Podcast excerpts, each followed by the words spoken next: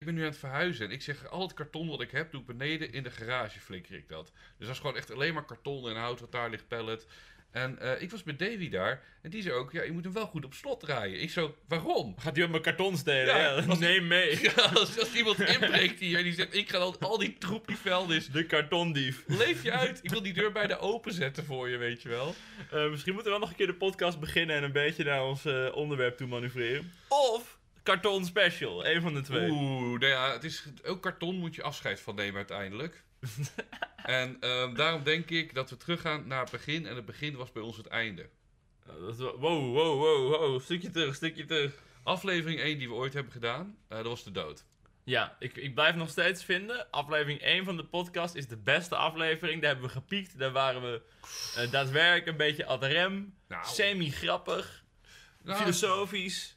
Dat wel. Er wa- waren heel veel leuke inputjes die erbij waren. En wat ik vind, ik, kijk, we hebben allebei die podcast opnieuw geluisterd even. Ja, Dat we we niet alles gaan halen. Niet alles dubbel doen. En zometeen hoor je de oorzaak waarom er ook een aanleiding is om een nieuwe te maken erover. Vond En ik wil eigenlijk juist meteen een beetje erin duiken. We hebben best wat dingen besproken in eh, de eerste aflevering, dus de aflevering over de dood. Mhm. eh, die achteraf zo van uitgekomen zijn.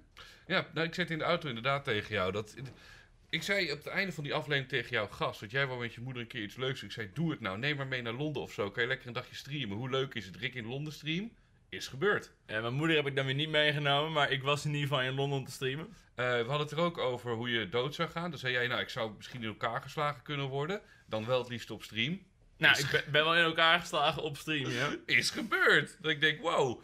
En er was nog een derde van ik ook dacht, jongens, dit is ook gebeurd. Niet, wat is jou opgevallen? Oh ja, maar ik, ik vroeg aan jou op een gegeven moment over mijn moeder. Ik was er best wel veel gepraat over de mogelijke dood van je moeder. En ja, die is nu jammer genoeg eh, recentelijk overleden natuurlijk. Ja, en dat is direct ook de aanleiding om een nieuwe podcast te maken. Ja, dat, dat je misschien wat extra inzicht hebt of zo. Ja, nee, ja, weet je... voorheen, wat zijn jouw ervaringen met dierbare verliezen? Voornamelijk je, je oma's toch? Ehm, bij Oma de drie? oma's, oma's, ja, oma 3 is natuurlijk overleden. Groot onderdeel, tante Joke, shout-out. Ehm, ja, wat naasten, wat, wat vrienden. Eh Jermaine kwam ook voorbij in die podcast. Oh ja, ja. En ik zat ook met name, hè, die podcast kwam in 2020 online. Hoeveel mensen ben jij verloren sinds 2020 in deze afgelopen twee ik ben in de tussentijd denk ik naar twee uitvaarten geweest. De- Maar dat was twee keer ehm, iemand met wie ik ook niet een hele nauwe band had. was meer eh, vanuit Billy's kant van de familie. En dan meer zo'n, Mm. Ga je mee voor support of zo. Je bent er meer voor je partner dan voor jezelf of zo. Maar- Best wel een opmerkelijk verhaal. Het was Billy's oma was overleden begin dit jaar. En dat was dus tijdens de subathon. Dus ik was iedere dag aan het livestreamen. ja. En toen op een gegeven moment was het zo... We wilden graag één dag langs, want het was wel echt heel duidelijk dat ze eerder zou overlijden. Eh, toen heb ik dus ook gezegd van... Hé hey jongens, ik ben eventjes één dag weg. Ja, ja. eh, jammer dan dat de stream geen epic streak meer is. Maar ja, ik kan ook niet echt daar een camera mee naartoe gaan nemen. Ja. En dus eigenlijk zouden we langskomen. Toen op een gegeven moment was het al, je moet wel echt eerder langskomen. En toen op een gegeven moment werd het, je moet wel echt nu vandaag komen. Je moet nu die kant op. Mm. Ik werd echt gewoon wakker met, het gaat ieder moment dood. Kom nu die kant op om afscheid te nemen. ja. En ik vond het eigenlijk best wel confronterend. Want ik heb nog nooit gehad dat ik echt weet van iemand gaat nu dood, neem nu afscheid. Eerder had ik wel familieleden met kanker. Dat ik zoiets had van, hé, hey, ik wil eigenlijk niet helemaal op het allerlaatste moment erbij zijn. Het lijkt me helemaal niet per se een fijne herinnering of zo. Bij laatste adem. Het lijkt me ook heel moeilijk om echt de laatste woorden te moeten zeggen of zo. Ja. Dus ik vond het best wel, oké, we gaan nu naar de oma toe en die gaat echt ieder moment dood of zo. ja. Ik vond het best wel een beetje scary. En toen kwamen we daar aan en toen was ze echt net overleden. Het was denk ik 10 minuten overleden voordat wij er waren. Wij net het kloten met parkeren en zo. Misschien als we net niet verkeerd waren gereden, waren we op tijd geweest. Dat het lichaam nog warm is, zeggen ze dan heel mooi. Ja, ja, echt. Eh, we kwamen echt net binnen van, huh, wat is hier aan de hand? Wat is de vibe in deze kamer? Zo van, oh, ze is dit overleden. Maar eerlijk gezegd was ik juist wel een beetje opgelucht of zo. Omdat ik heel eng en confronterend vond om dan daadwerkelijk afscheid te moeten nemen. Dat het dan toch niet hoefde of zo. Je was er voor Billy natuurlijk. Hè? Ja, ja. Wat heb je die vrouw ooit ontmoet? Ja, Ja, ik heb Billy zomaar wel een paar keer Oké, ontmoet. oké. Want als zij in één keer bij een wild vreemde is er dan aan je sterfbed, dat je denkt, wie ben jij? Pieter. Oh, Pieter, aangenaam. Eh, welkom bij mijn sterfbed. en je denkt, Hallo, ah, nou ja. ja, ik, kan me na, ik kan mezelf voorstellen, maar ja, we spreken elkaar toch niet meer. ja, dus- dus geniet ervan, Pieter, die staat in mijn erfenis, wat? nee, ja, nee, ik snap je, man, ik snap je. Ja, is dat voor, ja, voor Billy zou het dan kutter zijn, denk ik. eh, Ja, ja. als je, Maar ja, die, die leek ook niet heel erg mee te zitten hoor. Nee, ja, nee, ik vond ook wat ik zei in de vorige podcast. Ik weet van oma 3, dat is een speciale tante die ik had. Hè. Eh, dat is nog altijd het beeld wat ik van haar heb. Toen zij overleed. Hoe ze verkreupeld in dat bedje lag en zo. Ja. En het levende. Eh, ik weet niet, als ik haar alleen dood had gezien, was me wel bijgebleven dat beeld. Maar ik denk niet dat dat zo bepalend was geweest. Oké. Als snap je het laatste beeld. Maar voor jou zijn twee overleden in de Nou, afgelopen ik, ik ben dan vooral heel benieuwd hoe jij dit hebt ervaren met je moeder. Want daar heb je ook natuurlijk het hele proces gehad van soort laatste Ja. woorden. Je spreekt iemand echt voor de allerlaatste keer. Ja, ja, dat is... eh, Was dat iets fijns? Heb je daar wat aan gehad? Of had je liever zoiets van... Laat ik daar Misschien was het beter geweest als ze gewoon opeens overleden was en ik nooit zo'n moment zit, had gehad. Ik zit te denken, laten we daar naartoe werken. Want Oké. vandaar ook de vraag die ik stelde. In de afgelopen half jaar zijn bij mij drie mensen overleden. Drie. Drie. Eh, sowieso Evert Muis. Sticht, shout-out naar Stichting Tutu. Eh, voor mensen die het willen interesseren. Ja, Evert die wil daarbij helpen dat mensen die ziek zijn... nog een dagje kunnen doorbrengen met de naaste. Heel lief. Heel jong gestorven, twee jonge kinderen.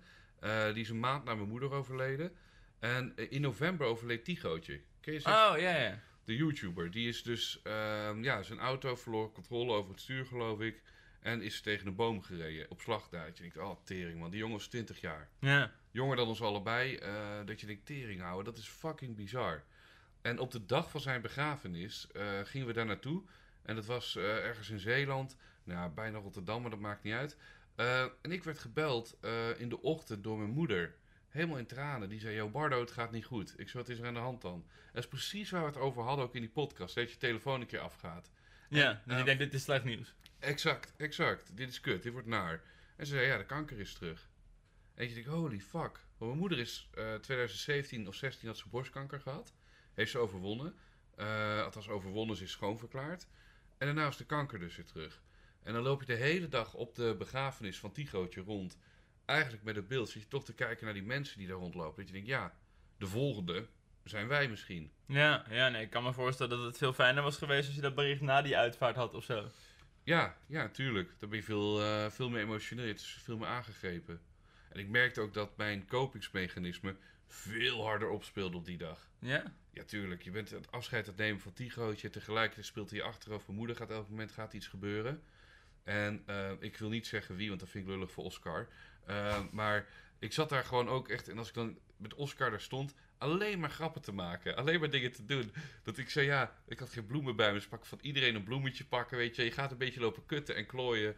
En dan sta je daar toch en dan komt die auto langs gereden. heb je zo'n gli- glimlach op je gezicht. denk je, kut, sorry, dat moet ik niet doen. Waardoor het ongemakkelijk... Ik, ik weet niet of dit je ook maar iets zegt. Dat je denkt, huh, what the fuck? Niet herkenbaar in ieder geval. Nee, heb jij niet op, op hoge spanningsmomenten dat je dan... Nou, niet bij uitvaart in ieder geval. Nee? Nou, Ik weet, ik had het zelfs in de kliniek met iemand. Dat was één gozer, Thijs. En als ik Thijs aankeek, schoot ik in de lach. En er was iemand heel trauma aan het vertellen. Dan kijk je één keer Thijs en denk je, kut Thijs. Nee, nee, niet nu. niet nu Thijs, godverdomme. Eh dit is kopingsmechanisme dus. Ehm, ik ga wel sprongen maken hoor. Dat is november. Eh, december zijn we met, met z'n allen, eh, met Davy, mijn twee broers en de schoonzus die ik had, eh, naar het ziekenhuis gegaan. Op derde kerstdag. Dat zal dus dan 28 december zijn geweest. Hè, der- 27 toch? ja, 24 is kerstavond, 25 is eerste, 26, 27, je hebt gelijk. Ik ga terug naar de basisschool. Naar 27ste. Eh, en dan kwamen we er aan. En mijn moeder die had in de kliniek, toen ik daar zat, had ze al last van een beetje praten, dat het wat minder ging. En er waren wat klachten die niet geplaatst konden worden. En daar komt dus naar voren dat het volledig uitgezaaid was. Volledig door het hele lichaam uitgezaaid. Op dat moment was het eigenlijk wel redelijk terminaal. Ja, het was gewoon klaar. De, de race is gelopen. De wedstrijd is nog gaande. Maar jullie waren er allemaal bij toen ze dat nieuws kregen? Ja, ja. Alleen het was wel zo van, het, je moet het zo zien, het is alsof eh, FC eh, Schagen, waar jij vandaan komt, tegen Ajax gaat voetballen. Dus er is een kans dat Schagen wint, maar dat is wel zo klein tegen Ja. Ajax. Dus we wisten allemaal wel hoe de bel erbij hing of zo. Je wist dat het al terug was, vraag is alleen hoe erg is het terug? Eh, wat, wat kan er nog gebeuren? En dan hoor je daar, het is helemaal uitgezaaid, drie tot negen maanden, we kunnen niks meer voor je doen. Chemo heeft geen zin, want mijn moeder was hersenpatiënt. Hmm. Dat spraken we in de eerste aflevering ook. En eh, haar gezondheid was ook al zo slecht. En ze zei ook, dan is het ook klaar op een gegeven moment. En toen kreeg je de keuze dus toch of zij inderdaad... Ze konden wel iets van chemo doen, toch? En dan werd het heel ingewikkeld of zo. Nee, dat Een beetje de keuze van wil je ehm, misschien nog een paar dagen langer leven, maar je kwaliteit van leven is nog lager. Of ga je dan toch inzetten op, we gaan helemaal niet behandelen, maar je kan nog zo lang mogelijk leven. En op de laatste paar dagen stopt je lichaam er pas echt mee. Dat zeg je heel goed. Ja, dat er echt sowieso het, de kwaliteit van leven, dat word je mee doodgegooid. Alles gaat over kwaliteit van leven. Weet je. Elke zin die je uitkraamt. Eh, en dat is alleen maar goed hoor. Dat is alleen maar mooi. Maar ja, inderdaad. Wil je in plaats van 100% leven je, je laatste paar maanden 40% leven En dan langer. en dan eh, twee maanden langer? Of wil je gewoon 100% en de helft leven? Wat zou jij eens hebben gezegd? Ik zou denk ik wel voor de 100% en de helft gaan, nee. Ik ook, ik ook. 100%. En dan de helft. nee, 100% zou ik daarvoor kiezen. En het is wrang, want we zaten daar en mijn broers waren direct een beetje pissig. Eentje aan de telefoon, want die kon er niet bij zijn helaas. Eh, die zei ook van ja, maar hoe kan dat dan? Ze werd godverdomme in september nog schoonverklaard. Het is nu december en de kanker is uitgezaaid door het hele lichaam. Ja. Dat is gewoon omdat als je borstkanker hebt gehad bij een vrouw, misschien ook voor een man prostaatkanker, weet ik veel, maar in dit geval ehm, check je alleen de borst. Hmm. Het is veel te duur om je hele lichaam elke keer maar te scannen. En schijnbaar is het misschien bij de borstkanker al fout gegaan. Hebben ze één keer gekeken, oké, volgens ons zit er niks. En is daarna over de laatste vier jaar toch cellen overal opgepopt. Ja, het kan natuurlijk ook zijn dat het gewoon niet in de bosjes is ontstaan. Dat het gewoon op een willekeurige plek nog een keer ontstaan is. Nou, precies. Dat een paar cellen ja, achter zijn gebleven. Ik geloof dus dat hele rijke mensen die doen heel vaak van die full body scans. Kun je dan x aantal geld voor betalen, dan krijg je gewoon een complete medische check-up van alles. Checken ze je bloed, ga je door een scanner heen. En dat doe je dan gewoon eens in de zoveel jaar, zodat je dus misschien inderdaad iets zoals kanker veel eerder zou kunnen detecteren. Ja, slim. slim Als je dan toch al het geld hebt, het lijkt me wel echt heel naar inderdaad. Eh, dat, Ja. dat is natuurlijk ook sowieso het kutte aan kanker. Dat ik eh, heb in de eerste aflevering ook al gezegd dat ik een beetje hypochonder ben. Mhm. Dus dat ik altijd een beetje bang ben dat ik ziek ben. Ik heb dat met kanker wel dat heel erg. Dat ik denk, ja shit, als nou blijkt dat ik inderdaad kanker had en het ene medische klachtje van ik denk, moet ik hiermee naar de dokter, ja of nee? Mhm. Dat het achteraf kanker was en dat ik niks heb gedaan. Dat lijkt me wel heel kut of zo. denk ik, heb ik toch een beetje aan mezelf te danken in deze situatie. Ja, ik snap wat je zegt. Dat je, ja. Maar ik vond het ook zo mooi wat je zei in die eerste aflevering. Van ja, dan heb je het gevoel dat je een hartaanval krijgt. En denk je, ik moet eigenlijk een ambulance bellen. Maar stel het is niks. Nee, ik val wel niet lastig. Ik sterf wel gewoon hier. En je laat me maar doodgaan. Het is goed Het wil zo. niet ongemakkelijk worden natuurlijk. Nee, precies. Je wil, ze niet, je wil niet hun tot last zijn. Dus Nee, ik ga wel dat- gewoon dood. dat vond ik een hele treffende. Dat je. Ik herken dat ook. Dat ik af en toe ook denk, kut, kut. Ik voel iets bij mijn arm. Dat is de eerste teken van een hartaanval. Oh nee. Dan gebeurt er niks. En Eh, we kunnen in principe even een klein stapje weg doen van je grote verhaal. Dan komen we er zo weer bij terug. Dan smeren we het een beetje uit over de... ja, tuurlijk, tuurlijk. Eh, ik ben benieuwd, wa- wanneer ben jij denk je het meest dichtbij de dood geweest? Eén keer weet ik nog dat ik aan het kutten was eh, met een paar vrienden van de middelbare. Dennis en Stef om precies te zijn. En ehm, we renden de hele tijd over het spoor heen en weer. Wat een kut idee ook. Ja, het was stom. En op een gegeven moment, die paaltjes gingen al naar beneden. Iemand rende, ik rende, hij rende. Ik, ik doe het nog een keer. En de trein kon je al aanzien komen. En dat was echt toen dat ik ook dacht, holy fuck. Als ik was gestruikeld. Het is echt twee De seconden. kans is heel klein, maar hey. Nou ja, twee, drie seconden zat ertussen of ik had het verkeerd ingeschat. En ja, ik voelde zeg maar mijn capuchon heel veel opstijgen van de wind. Ik denk, Oeh. dit is niet goed, dat ga ik niet meer weer doen. Dat was, nou, dat, nog steeds, als ik het nu vertel, denk ik, wat een kut idioot was ik daar. Ik blijf het dus interessant vinden dat de momenten waarop je waarschijnlijk het meest dicht bij de dood was, zijn waarschijnlijk de momenten waarop je het niet door hebt gehad. Ja. Zeg maar, heel veel auto-ongelukken gebeuren natuurlijk net niet of zo. Als jij net eventjes eh, niet van tevoren een minuut op je Spotify zat te kut om nog een lekker nummertje uit te zoeken, was je misschien net een minuut eerder die weg op gegaan. Uiteindelijk is dat natuurlijk een heel goed voorbeeld van het butterfly effect. Hoe één seconde in het verkeer het verschil kan zijn tussen wel of niet dat ongeluk pakken natuurlijk. Ja, misschien inderdaad dat je dan naar buiten loopt en denkt, oh kut, ik heb mijn aansteker vergeten. loop je toch weer naar binnen. En soms vergeet je die aansteker, dan word je wel geraakt. Ja, waarschijnlijk zijn we allemaal heel vaak al dood gegaan in alternatieve tijdlijnen waar we eh, iets wel of niet doen natuurlijk. Ja, true. Nee, ik, ik, vind, ik had ooit een keer een sketch verzonnen. Dat wou ik ook doen. Iemand die de hele tijd de dood net ontsprong. Dat hij bij stoplicht stond en dan rijdt zijn auto langs. je, Hoe zag je dat? Dat is maar één meter. Het was maar één meter verschil, anders was ik geraakt. Weet je, dat soort verhalen. Of dat je bij het spoor staat en dan rijdt er een trein langs. En zeg je, oh, dat was maar één meter.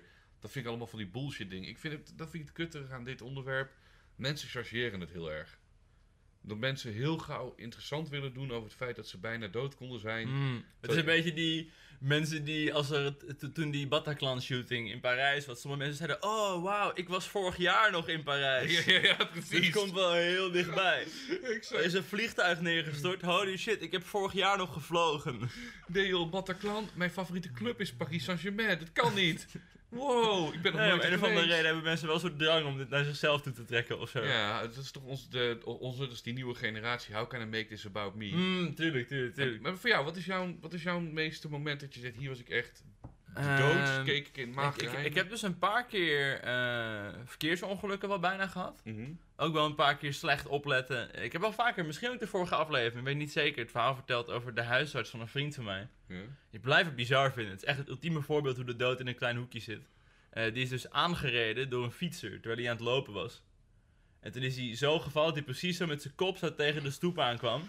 Ah. Nek gebroken, dood. Ik heb echt al heel vaak dat ik bijna aangereden ben door een fietser. Ik weet niet wat de kans is op fa- fataliteit van zo'n Oh, botsing. Is dat serieus, ja? Als je maar nagenoeg valt, kun je gewoon doodgaan als je aangereden wordt door een fietser. Weet je, ik bijna nog interessanter vind. Ik vind dit heel interessant, weet je wel, van, van kleine factoren. Ik ben ook benieuwd, ehm, factoren die niet zozeer random zijn, maar dat ik misschien als kind in de speeltuin zat en dat er gewoon een viespeuk langs liep en die, die is met een mes in zijn zak En Bijna gekidnapt. en dan ziet hij net mijn moeder langslopen. Denk, oh nee, toch niet. Dat je dat gehalte, weet je wel. Dan ben ik ook, wat voor mensen heb ik daarbij meegemaakt? Als ik bij de trein sta, dat iemand dacht, yo, ik ga iemand op het spoor duwen.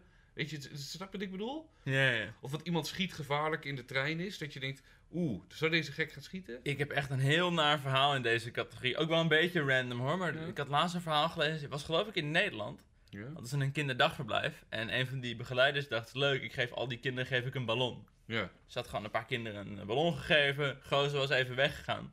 Een van die kinderen heeft dus die ballon laten knappen. Wat doen kinderen graag met voorwerpen in hun mond stoppen? Jochie stikt, slikt ballon in. En die is gewoon gestikt Nee, in die fucking joh. ballon. Dat lijkt me zo naar dat jij even iemands ouder mag bent van... Hé, hey, ehm, ja, je kind is gestikt. En, en dood. Oh. Wat een narigheid. Maar dit is blijkbaar een hele goede parenting tip. Nooit ballonnen aan je kinderen geven. Is dat echt zo, ja? Niet, Ja, niet, weet- niet zonder supervisie in ieder geval. Ik weet van de stint, moet ik aan denken. Stintongeluk, ja. Ja. Ook zo'n toevalligheid met lulligheid. Dat ding precies uitvalt op het spoor. Maar is het nou bewezen dat het... Voor de mensen die het niet weten, er is een stint geweest van de kinderdagverblijf. De stint is een elektrische bakfietsachtig stepding. Ja. Het is gewoon iets, iets, iets elektrisch met een grote bak waar je kinderen in kan stoppen. Exact. Er zaten zes, zeven kinderen, kleine kinds eh, in. En die is het spoor opgereden, die werd aangereden door een trein.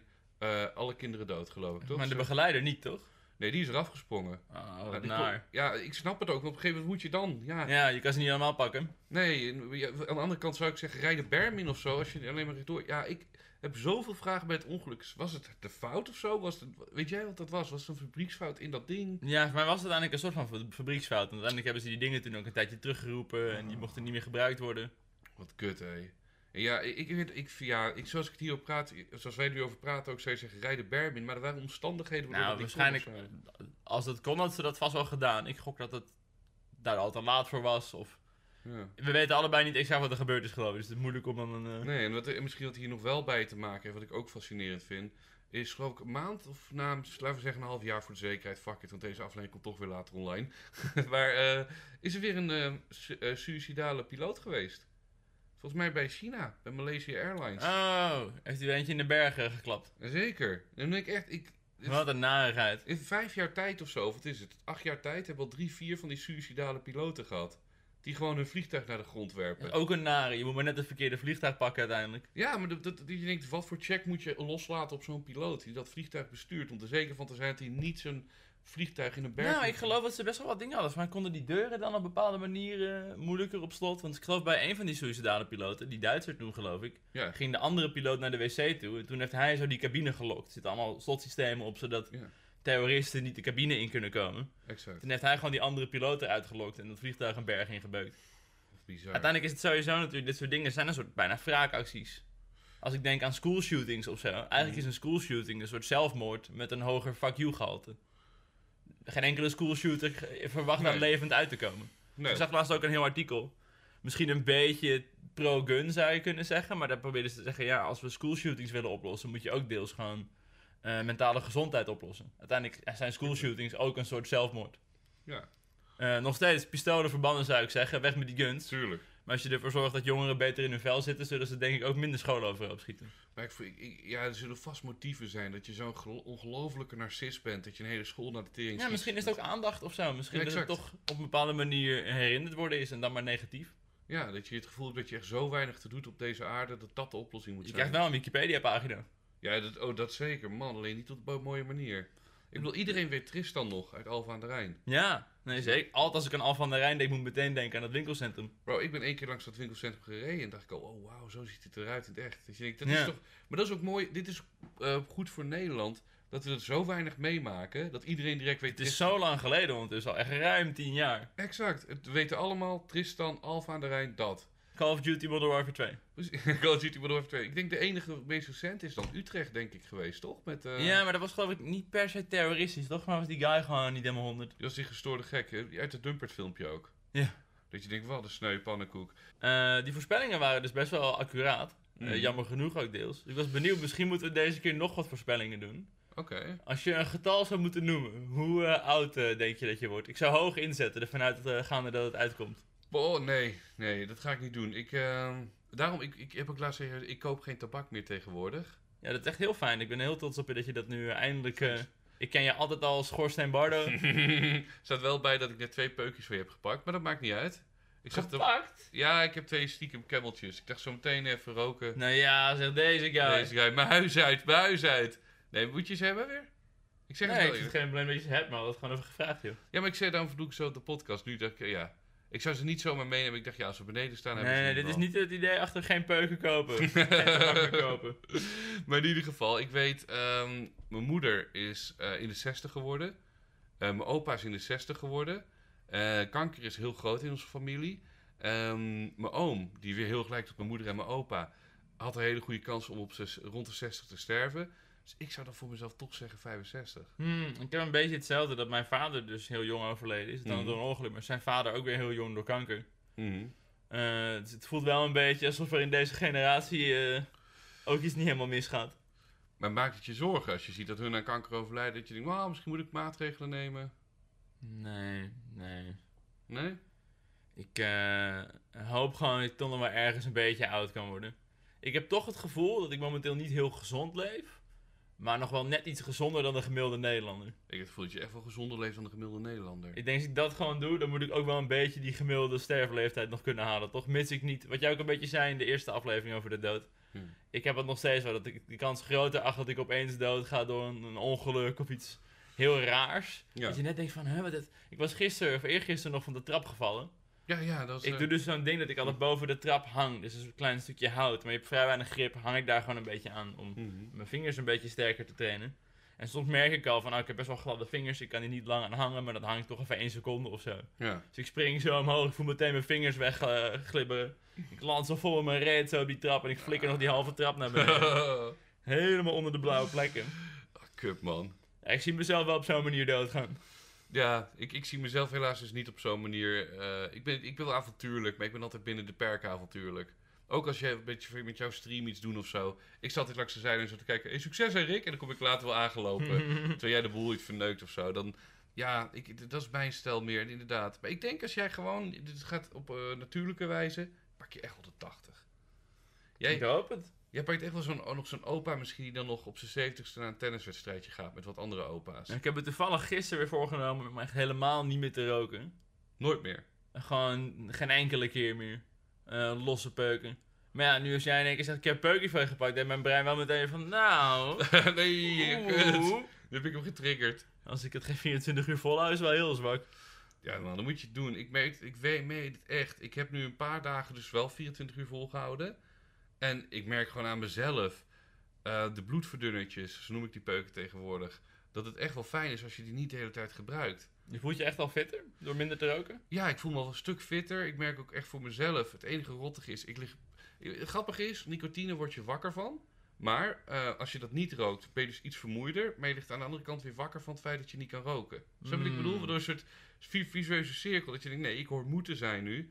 Ehm, ja, dat is eigenlijk. En ik vind ook, je hoort gewoon niet te roken. Het hoort niet bij je leven. Mocht je trouwens deze podcast luisteren en roker zijn, check even Ellen. Triest. Je bent een triest figuur. Je bent een naar mannetje. Vies pe- Nee, je bent, check even Ellen Carr. Ken je Ellen Carr? Ja, die, ik heb van hem de DS-game geloof ik van stop met roken. Is het een DS-game? Nee. Volgens mij is dat, ik ga eens even kijken. Het kan zomaar. Ellen Carr die heeft dat boek met 30, 40 miljoen. En ik vond zijn metafoor wat hij had, vond ik zo sterk. Dat hij zegt, ja, roken is een beetje alsof je de hele tijd je schoenen te strak doet...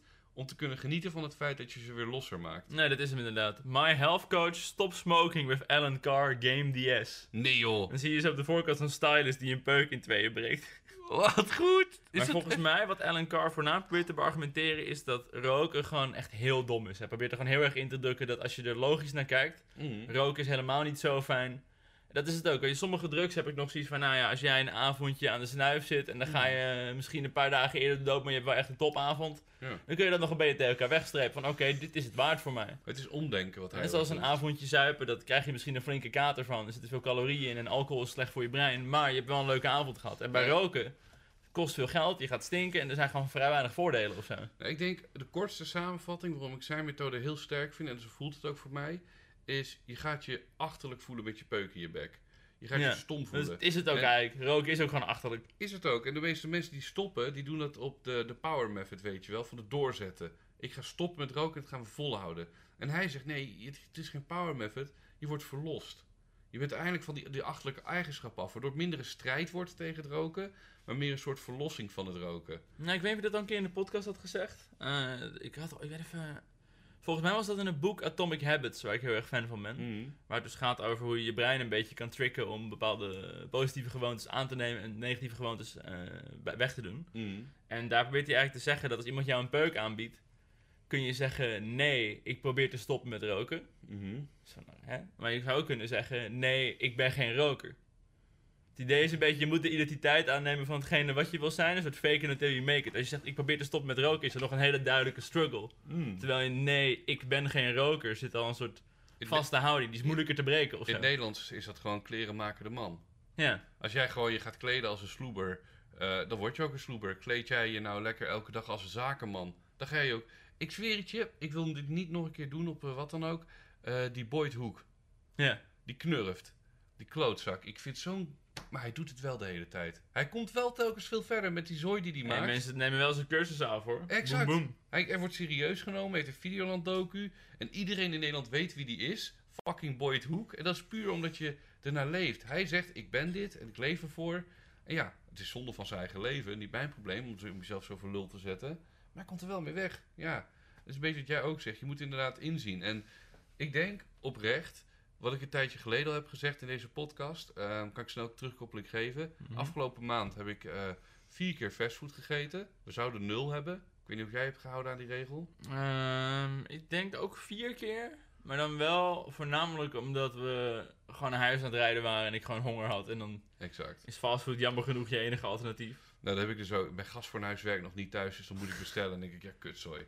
Maar nu kook ik bij mijn vader. Lang verhaal maakt het niet uit. Dus we moeten een klein beetje terug naar eh, de dood. Nou, het enige wat ik hierover wou zeggen was nog... Ik denk dat je in moet zien dat je... Ik heb bijvoorbeeld de inzicht gehad... Ik ben, ik ben niet dik van nature, maar ik vreet mezelf telkens dik. En je bent ook geen roker van nature.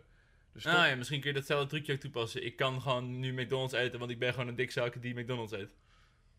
nee, nee. Of is dat zo? Dan praat je wel goed. Nee, nu keer je om juist. Ik zit juist bij mezelf van... Ik hoef geen McDonald's Ja, maar dat, dat is wat je voorheen zou kunnen doen. Sommige mensen die hebben misschien ook wel een beetje een houding van, nou ja, eh, afvallen lukt mij gewoon niet. Ik kan niet afvallen, dus dan let ik me helemaal niet op mijn voeding en laat ik me maar gewoon gaan.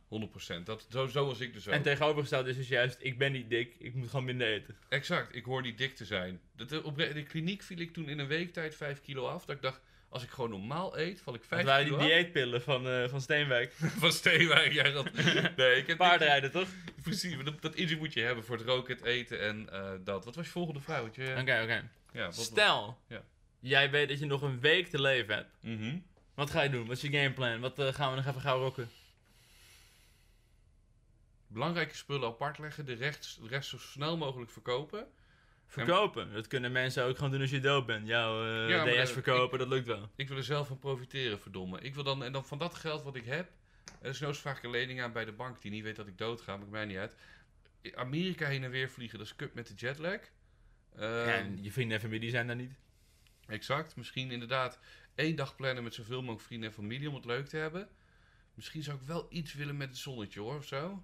Gewoon, eh, misschien een druk nemen, die waarvan ik altijd benieuwd was. Dat was mijn voornaamste antwoord. Ik zou graag eh, bepaalde drugs waarvan ik zoiets heb van die wil ik nooit van mijn leven proberen. Hmm. Aangezien, nou, ik, bijvoorbeeld, ik heb nog nooit coke gedaan, omdat ik toch heel erg bang ben dat ik het te chill vind en het dan veel vaker zou willen gebruiken. Als ik toch weet dat ik nog een week te leven heb, zou ik best een keer eh, je coke zeggen, en heroïne willen proberen. ik kan je zeggen, uit mijn ervaring, het is best wel chill inderdaad. Moet je niet doen. dat moet je niet doen. Maar je hebt niet per se vaak een craving of zo, toch? Ik weet, ik gok dat de laatste keer dat jij coke gedaan hebt erg lang geleden was. Dat is wel heel erg lang geleden. Dat is eh, drie jaar, denk ik. Maar je hebt niet eh, eh, soms dat je even denkt van, oh ja, coke. Nee, nee, ik moet wel zeggen, dat, ik heb wel zin om een keer een festivalletje te pakken. Met een pilletje of zo. Maar dat gaat het niet zozeer om de druk. Dan gaat het meer om de, alles eromheen. De, de, weet je wel, de, de, met de mensen, de omgeving. De, ik, ik heb niet zozeer bij mezelf iets. Ik heb zin om een pilletje te poppen of wat dan ook op de bank. Of kook te snuiven op de bank. Mhm. Maar ik heb wel zin om bijvoorbeeld op een festival even hard te gaan. Ja, oké. Dat ik kan zeggen, hé hey Rick, waar ben je man? Ik ben bij de Dixies. Hé hey, Rick, zie je Dixie? ik denk, kutzooi.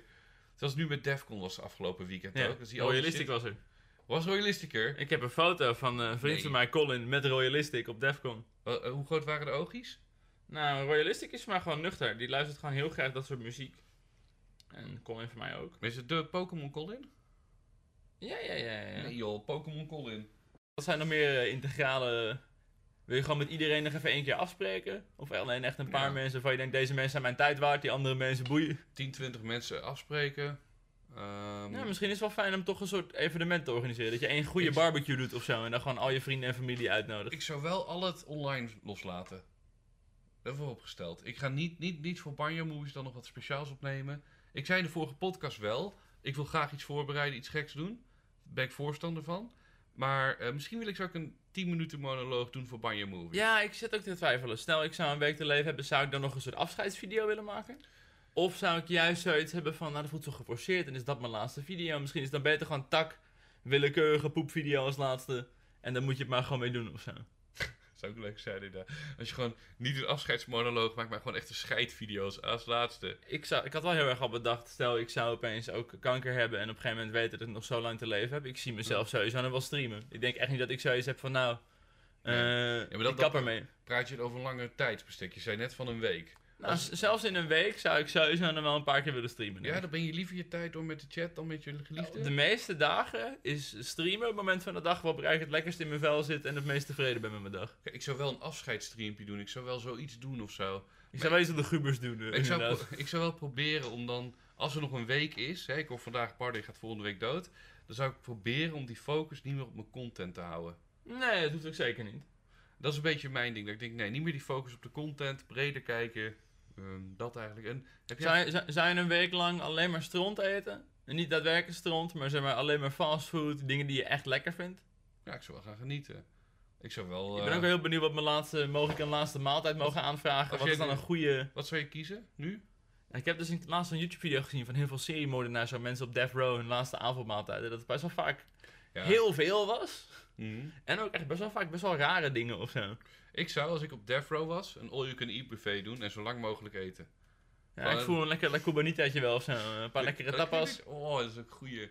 Nou, dan wel, dan wel een duurder tapas restaurant. La Cubanita is nice, maar vooral wat 20 euro kost. Ik zou een patatje stoofvlees met spare ribs, sweet and spicy doen. Een Mexicanootje erbij, Een paar biertjes. een paar biertjes. Zo- na, een paar, na, ja, Red Bull, bier, water. Die drie. Gewoon dat je denkt, ja, fuck it man, maak er maar wat moois van. ah, ja, ik, ik voel hem wel, die, eh, ja, gewoon genieten nog En even. een beetje verlengd op die een week te leven. Stel je mocht kiezen hoe je dood zou mogen gaan. Mhm. Wat lijkt je dan fijn? Veel mensen roepen dan toch in mijn slaap. Ja, zo het eerst En Daniel. Arends heeft daar een leuk stukje over. Dat als je doodgaat in je slaap, dat er nog wel iets gebeurt. Dat je niet gewoon... Maar dat je waarschijnlijk... ja, ja, dan zou ik bijna zeggen, toch voor mijn moeder dan euthanasie. Ja? Ja, want is- het zag er zo vredig uit. Je krijgt gewoon een spuitje, dan val je in slaap. En daarna nog één. Sorry. En dan uiteindelijk ben je eh, vertrokken. Ja. Je bent gewoon echt, het zag er zo vredig uit. Binnen drie minuten. Dat ik denk, ja, dit is wel, dit is, ehm, ja. Je zit vooral te denken, stel ik zou op een hele lijpe manier doodgaan. Wat is Mhm. dan een interessante lijpe manier die je kan verzinnen? Van oké, dan maar op die manier. Zo'n soort eh, eh, achter in iemands auto rechtop staan en onthoofd worden door een brug beat. Nou, Ik, ik zat oprecht nog te denken, om dat net ook te noemen, bij die zeven dagen leven. Was ik zat ik te denken van, is het een idee om eh, een bankoverval te doen? Weet je wel, fuck it. Ik ga dan toch dood. En Een school overhoop schieten. Godverdomme Rick, godverdomme. ik ga niet meer met jou naar Slagharen nu, het is klaar. Nee, maar dat, ik, weet je, ja, schiet mij maar dood met zo'n bankoverval. à la La Casa de Papel, dat ik daar met drie tassen geld sta. Weet je, Pam, zit die kogels in je buik. Slow-mo. En en als het duurt, knal ik die deur, gooi ik die deur open met die zakken geld. Dan roep ik, bedankt voor het kijken naar Mario Movies. En dan gooi ik dat geld in de lucht en dan, hey. Ja, ik weet niet of het de beste manier is om te gaan, maar het is in ieder geval wel gaan. Misschien een gijzeling in de Apple Store. Wat een kleur. Nou, je zou dan ook op een heroïsche manier dood kunnen willen gaan. dat jouw laatste moment voor je dood een heldendaad is. Er is een overval, jij springt ertussen, jij vangt die kogel. Bardo held meerdere standbeelden in Deventer. In plaats van dat je de bank overvalt, eh, zeg maar. Ja, ja, ja maar dan moet je wel ja, heel veel toeval hebben. Nee, dat gaan we gewoon in scène zetten. Oké, dat Ik, gaat. ik heb een pistool vast namelijk. Oké, maar die doen we dit. Ik ben naar een nieuwe subathon. Deze subathon wordt next level. Goeie shit, man. Even kijken wat ik nog meer wilde vragen. Ja, eigenlijk een beetje tegenovergestelde Ja. eh, van wat ik net vroeg. Hoe zou je het minst graag dood willen gaan? Wat is nou het horrorscenario? Sowieso voor mij denk ik iets heel langs en pijnlijks. Of, Ja. iets, waar, of iets waar opgeven een factor speelt. Het lijkt me dus zo naar om midden op de oceaan een beetje te drijven. En niet weten op een schipje komt te redden. Dat je denkt, Dat lijkt me niet zo erg. hoe lang eh, moet ik zeg maar gaan zwemmen voordat ik mezelf gewoon laat zinken naar de bodem? Ik bedoel, ook als je, je hebt Castaway ook gezien, dan voelt het op een gegeven moment zo wanhopig en dan is er zo weinig uitzicht dat je denkt, ja, dit is... Weet je, dan, dan, dan zou het voor mij ook voelen dat ik denk, ja, ik ga toch wel dood, fuck it. Dan ga je gewoon trippen op dat vlot. Dat maakt niet heel veel uit. Wat ik interessanter vond, ik, een vraag die hierop aansluit, die ik had, ik heb heel veel vragen, maar ik skip anders wordt de podcast zo lang. Ehm, wat heb jij liever? Heb jij liever dat je als eerste sterft van iedereen die je kent, of als laatste van iedereen die je kent? Nou, in principe liever als laatste, want dan word ik ouder. Ja, maar dan ook iedereen, hè? Dus ik ben dood, je Ja, ouders, ben Ik, ik zie bij mijn oma heel erg dat mijn oma is ondertussen echt al oud. En je ziet echt gewoon één voor één al haar vrienden gewoon verdwijnen. Ja. Eh, dat is super kut. Dat zeg maar het enige contact wat je overhoudt is de thuiszorg. Dus ook Nou, Milan, Milan Knol is dood, ook, ook Tony Junior. Mijn kinderen. Kinderen zijn ook dood. Tony Junior heeft me ontvolgd op Instagram. Hij is al dood voor me. Is hij heeft dit gedaan? Ja, heel pijnlijk dit. Ik Oh, vind het niet heel erg DJ Tony Junior van Tony Junior. Oh, motherfucker. Motherfucker. Echt hoor. Oh, ik wist dat niet. Sorry, baas. Dood voor me echt. Hij mag niet mee naar de gathering volgende week. Nee, zeker niet. God. Ehm, ja, jij zegt gewoon als laatste dan? Ja, toch wel liever als laatste. Ehm, Het zijn twee ultimaten. Ik wil niet als eerste en niet als laatste. Dat is volgens mij voor iedereen. Dat je denkt, ja, je wil niet als laatste overblijven. Maar ik wil ook niet, en dat is het belangrijkste, dat mijn vader mij naar mijn graf moet dragen. Dat gun je hem ook niet. nee, zeker niet. En voor jou is het je moeder dan. Dat is heel naar gewoon. Nou ja, dat eigenlijk. Maar je hebt geen antwoord gegeven op eh, hoe dan, toch?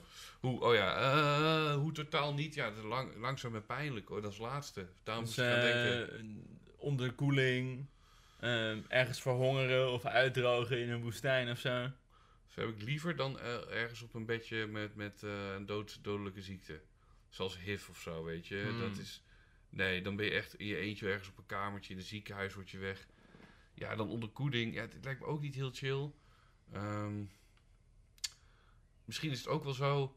Het, weet je, lang en intens lijkt me helemaal niks. Maar kort en intens lijkt me ook helemaal niks. Eentje die ik ook heel hoog heb staan is bijvoorbeeld... opgegeten worden door een dier. Oeh, een beer of zo. Nou, exact. Dat die beer aan je been begint te knabbelen. Je kan nergens heen. En dan hoop je, bijt me in mijn kop. En dan bijt hij in je arm. En dan denk je, nee, doe mijn kop. Ik ben wel benieuwd hoe lang het duurt voordat je doodgaat bij een gemiddelde berenaanval. Ja, het is een beetje net zoals bij brand. Als je echt eh, doodgaat in een brand, je gaat niet per se direct dood. Er is niks inherent aan brand waardoor jij sterft. Waarschijnlijk is het voornamelijk dat je door de rookinademing best wel snel flauw valt en dat je dan doodgaat. Ja. Ja, dat, dat wordt, de, de pijn is dan zo intens. Ik heb vernomen dat verdrinken wel een fijne dood schijnt te zijn. Ja? Eh, het gaat sowieso best wel snel. Het lijkt me heel naar dat je zo onder water zit met... Hé, hey, waar is mijn zuurstof? Op een gegeven moment lopen je longen vol water. Het schijnt relatief fijn te zijn, vraagteken. Ja, je weet het niet. Je kan het niet meer navragen natuurlijk. Hoe het is voor die mensen. Ik heb dus altijd voorgenomen, stel ik moet in één keer dood... dan zou ik wel gewoon zelf gewoon een hele grote spuit heroïne in mijn arm zetten. Uiteindelijk is dat gewoon een soort eh, euthanasie voor het volk. Zou jij... Nee, dan, dan krijg je wel echt het gevoel dat jij valt gewoon in slaap. Ja. En je voelt jezelf gewoon heel rustig, heel fijn zelfs. Echt, oh, voel je jezelf gewoon wegzakken en dan is het klaar. Dus in dat opzicht lijkt me dat de fijnste manier om te gaan. Gewoon een overdose, pijnstillers. Boah. Ik vind het een intense stelling. Ja, ik snap je wel heel erg hoor, maar stel het gaat fout of stel je overleeft of stel iemand vindt je of stel, stel, stel. Kijk, het makkelijkste als je jezelf vakant wil maken, volgens mij hebben we het er ooit eens van over gehad. Geen tips dus, geen tips. Nee, geen is- medisch advies. Het is heel, heel dubbel hoor. Want ik zou zeggen, eh, huur voor mijn part een hotelkamer af, bel de politie, zeg hier en hier, deze kamer zit ik en hang jezelf op. Dan heeft niemand er last van. Het is wel interessant dus dat als je kijkt naar de zelfmoordmethodes tussen mannen en vrouwen, Ja. dat mannen dus veel vaker dingen doen die je lichaam heel erg kapot maken. Zeg maar, blijkbaar vinden vrouwen het veel belangrijker hoe ze eruit zien op de uitvaart. Dus mannen zullen veel vaker voor de trein springen, een shotgun tegen hun hoofd aanzetten. Mhm. Terwijl vrouwen veel sneller zullen gaan voor eh, vergiftiging, eh, je pols opensnijden in bad. of Ah. ehm, jezelf ophangen. Is dat zo, ja? Ja. Dus eigenlijk heb ik een vrouwelijke dood, zeg je nu. Nou het geeft wel de minste rommel als je jezelf ophangt in een hotelkamer. Ja, ik zit meer te denken aan de andere mensen, zeg maar, dan om me heen. Hè? Of de politie of de brandweer. Ja, misschien is het dan ergens wel fijn dat iemand anders je vindt of zo. Nou, ook maar dat ook een agent gaat komen die weet, hij ligt daar dood. Weet je, iemand die weet... Van Die, tevoren gewaarschuwd, ja. ik heb ze gebeld, heb ik 10 minuten de tijd om het af te ronden en dan ben je klaar. En ik- ja, weet je, het is heel wrang om er zo over te praten hoor. Maar ik, ik toch benieuwd, was de kist van jouw vader open? Heb jij hem ooit nog eens gezien na het overlijden? Ehm, ja, was een open kist. Ja? Ja. Want ik weet, het is een ongeluk geweest. Ik weet niet hoe waar... Ja, ik moet wel zeggen dat het was deels open. Oké, Eh, dus je zag voornamelijk wel zijn gezicht en zijn bovenlichaam. dat is wel fijn. Ehm, ja, ik heb hem voor de rest niet heel uitgebreid gezien. Ik, ik kan me voorstellen dat eh, een motorongeluk best wel wat schade achterlaat op je lichaam of zo. Ik vond het toch wel fijn dat je dat niet in zijn gezicht zat. Dat er geen grote, grote hap uit was of zo. Nee, precies. Dat er geen blauwe plekken, geen... eh, Ik vond het zo mooi, weet je wat mijn moeder had als laatste eh, wens nog bij haar eh, kist. Ze heeft ook open kist gehad even. Ehm, en het was, ze had een spalkje laten zetten onder haar middelvinger. Dus ze lag ze zo in de kist. met haar middelvinger omhoog. Oprecht. En, Holy shit. en daarom heb ik ook, mijn moeder gaf me deze ring. Die zit ook altijd op mijn middelvinger. Dit is zeg maar mijn monumentje voor mijn moeder, is de middelvinger op de Ah. rechtervinger. Eh is voor mijn moedertje gedaan. Nee, maar ik vond het zo leuk. Eh, heb, jij, jij zo, heb jij een bepaald verzoek nog aan je lichaam? Heb je kleren van je weet die wil ik dragen op zo'n moment? Of? Mm, ik heb wel altijd gedacht van ja, ik zou niet per se in een pak begraven willen worden. Er bij me gewoon lekker een leuk overhemd aan. Ja? Uiteindelijk wil je denk ik wel het liefst in de kist liggen zoals je er normaal uitziet of zo, toch? Ja, gewoon kleurrijk. Gewoon representatief. Ja, plezier erin hebben. Ja, snap ik. Voor de rest of ik echt hele rare verzoekjes heb. Nou, ik weet dus geloof ik, ehm, volgens mij de uitvaart van Billy's vader, Ja? had hij, eh, was zijn wens, was er een frietkraam op de uitvaart. Nee joh. Die kun je gewoon huren. Wat goed. ja, hij had zoiets van, maak er een feestje van of zo, vier het leven. Echt een Dus ze kraam? kwamen zo, de, de, Oh, wat goed. Die is leuk. Die is zo verlaat je de begraafplaats, staat er gewoon een frietkar met, yo, je moet nog een patatje mayo.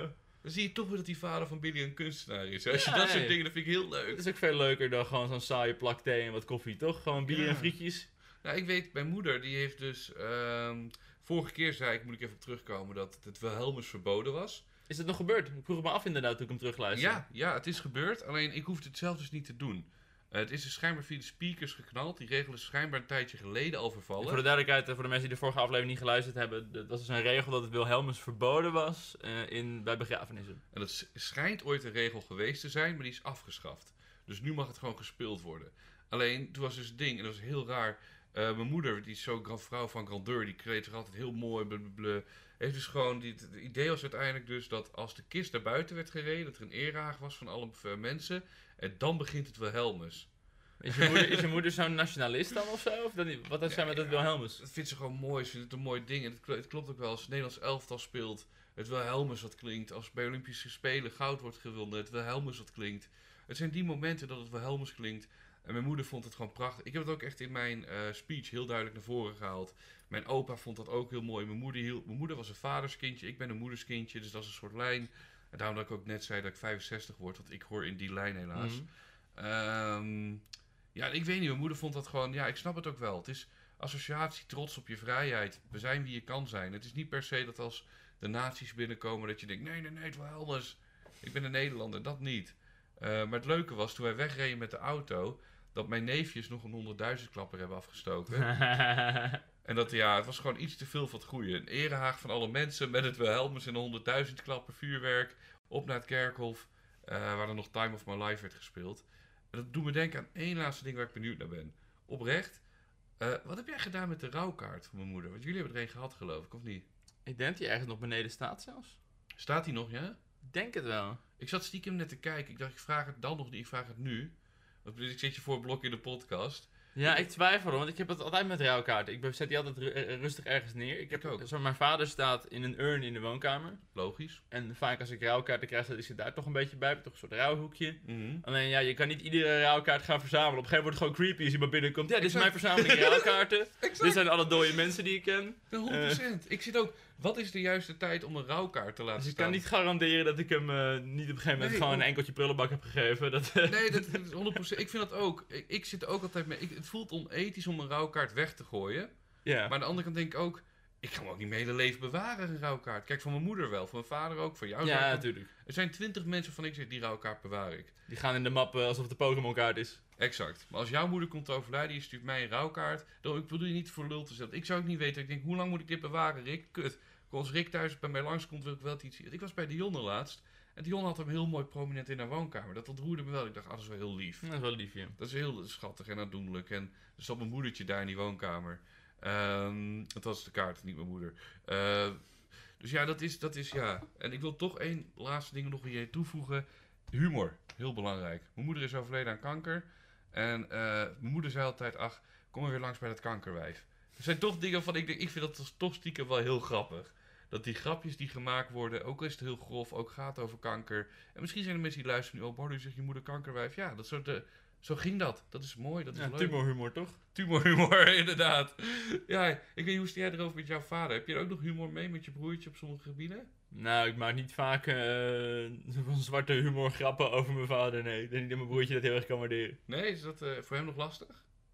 Ik, ik denk uiteindelijk wel dat mijn broertje was al veel meer close met mijn vader dan ik. Jij bent meer met je moeder close. Ik was meer close met mijn moeder, inderdaad.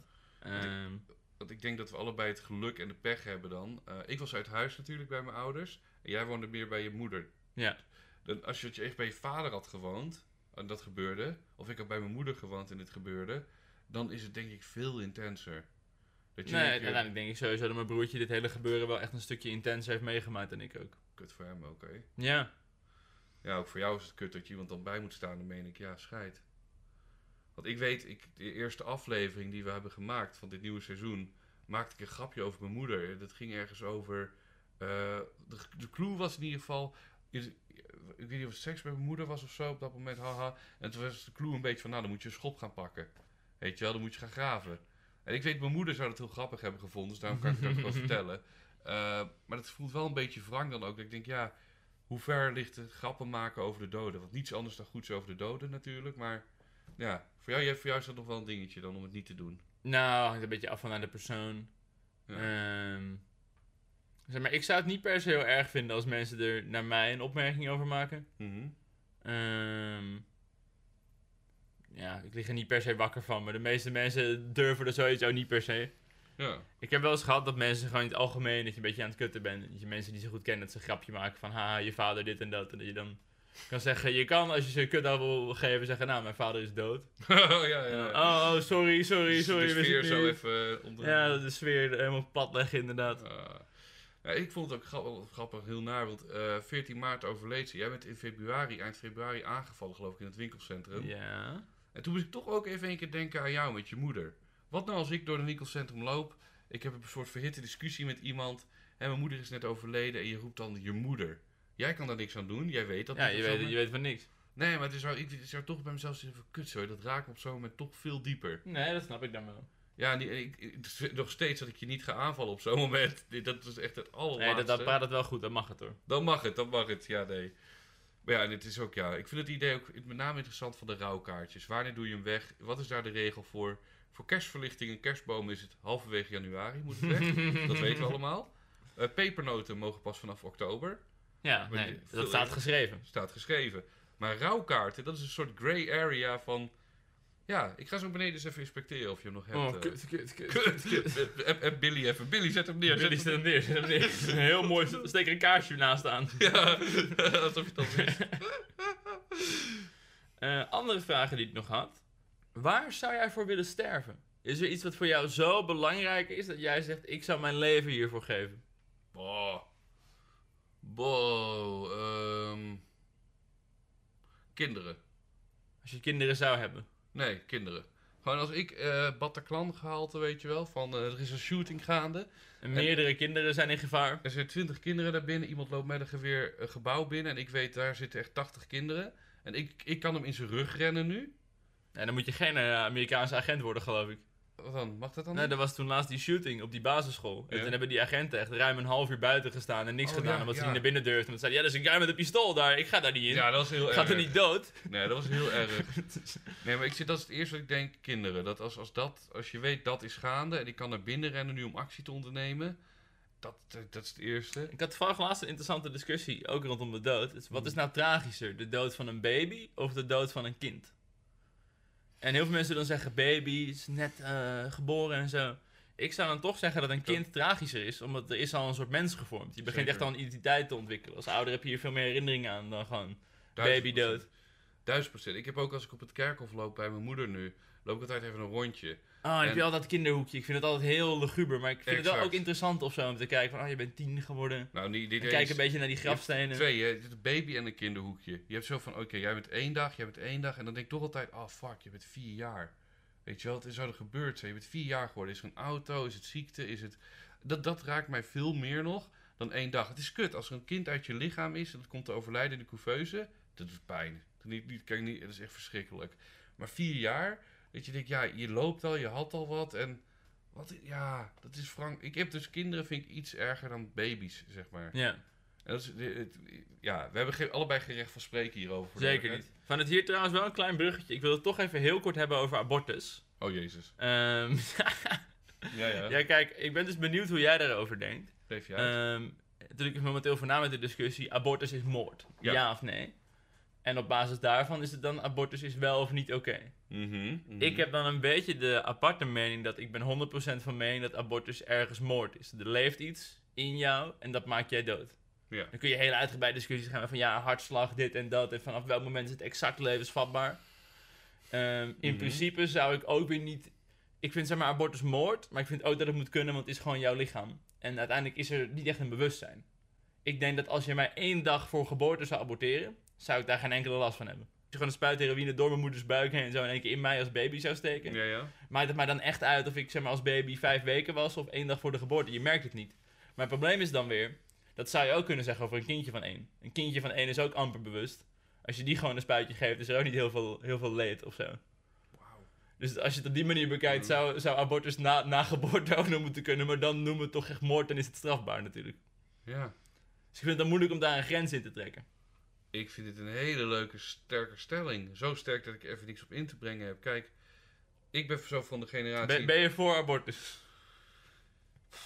Oh nee jongens, die gaan we. Ja, je weet je, het is, jij hebt net even een hele, alles wat ik had kunnen zeggen onderuit geschopt al. Dus eh, zo van, ja, hij haalt al het gras weg en zegt, nou, wat vind je ervan? Ik zeg, ja, jezus, je hebt het heel goed gedaan. En ik, kijk, ik, ja, ik ben voor abortus. Ik vind vrouwen mogen beschikken over hun eigen lichaam. Ik vind een belangrijke kanttekening. Ik dacht eerlijk gezegd, want je zei, beneden zei al dat je iets ging zeggen. Ik had dit niet verwacht. Ik dacht, je gaat de Dave Chappelle kant op. Dave Chappelle heeft een hele goede monoloog. Dat vrouwen mogen beschikken over hun eigen lichaam. Mogen zelf de keuzes maken over hun eigen lichaam. Als een man zegt ik wil het kind niet hebben, dat betekent niet dat die vrouw een abortus moet doen. Maar dat vind wel te moet betekenen dat die man dan geen alimentatie hoeft te betalen. Ja, ik vind het een redelijk systeem. Want als jij zegt, yo, ik hoef het kind niet, eh, hou maar, dat je dan inderdaad wel gewoon afstand kan nemen en niet het Exact. kind is op te voeden of financieel daaraan bij te nemen. Precies. Want ik vind niet dat die vrouw verplicht het kind weg moet halen als een man het niet wil. Of als de staat wil dat het kind blijft. Dat vind ik allemaal heel naar. Als de vrouw... Je kan honderden dingen verzinnen. Vanaf verkrachting tot een slechte relatie. Tot kans op een downkind of wat dan Nou, ook. misschien wel het belangrijkste. Heel veel mensen willen gewoon geen kind. En ik heb het gevoel, als ik naar sommige mensen in deze wereld kijk, denk ik, voor mij wilde je moeder je ook niet.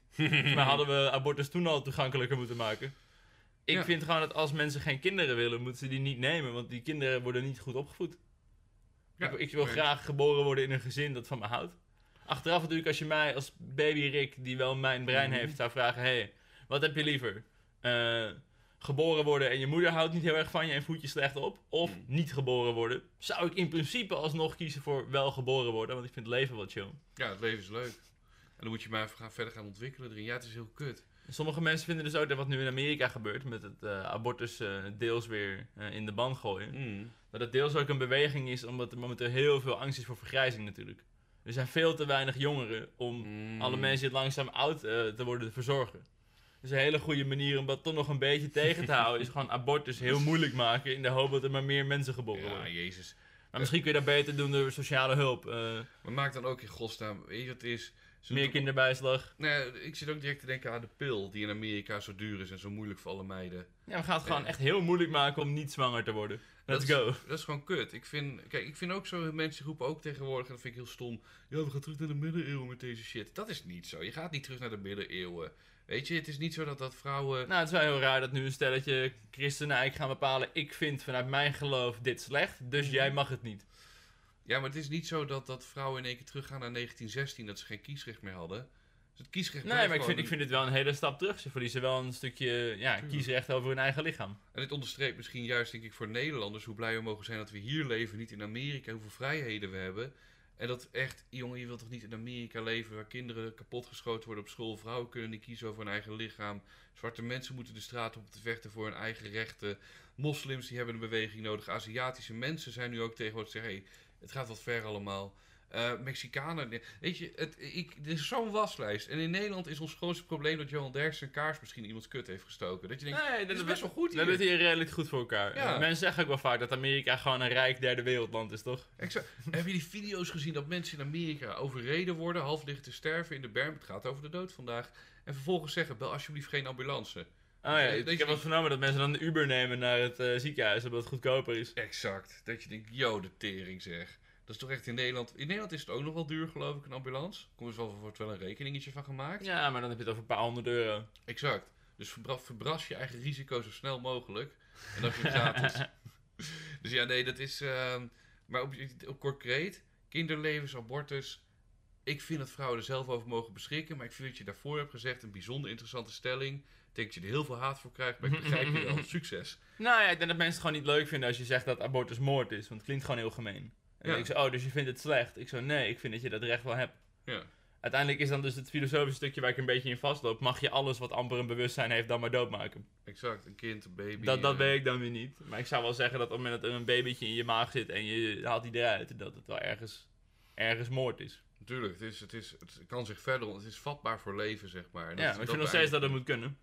Het is een beetje zo, in voetbaltermen, voor de mensen, hè, de mannelijke kijkers onder ons. Het is een beetje, er is een doorgebroken speler en die wordt getackled. Nee, dat was niet gegarandeerde goal. Maar het was wel zo'n grote kans op goal, dat hij had kunnen scoren, weet je wel? Ja, dan hoor je rood te krijgen, dan moet je het veld af. En dat gaat ook hiervoor een beetje. Je beëindigt wel een leven. Nee, je hebt geen goal gemaakt. Maar het had wel echt een hele goede goal kunnen zijn. Zo heb ik, ja, raar metafoor, Ja. wat ik bedoel. Eh, erfenis. En hoe gaat die bij jou verdeeld worden? Stel, Nou, ik jij kopt zo meteen een trein. Ik vond het heel confronterend dat in één keer mijn moeder A... eh, Heb je alles gekregen? Je was de favoriete kind, zei je Yes, let's go, let's go! Nee, nee, ik Is de, is erfenis al binnen? Eh, nee, het is allemaal naar mijn vader gegaan. Oh ja, kut, alles gaat naar je vader toe. Je krijgt in één keer die papieren voor mijn vader die je moet ondertekenen. Dat is raar. En dan krijg je... Hoezo moet je voor je vader tekenen? Nee, mijn vader heeft alles gekregen dus. En stel mijn vader wel eh, onder de, de, de auto komt. Ja, dan moeten die papieren alvast klaar liggen. Dat we weten, oké, hoe gaan we alles berekenen, wat alles waard is en blablabla. Ja. Het wordt gewoon allemaal eerlijk verdeeld. Een derde, een derde, een derde. Ik heb twee broers.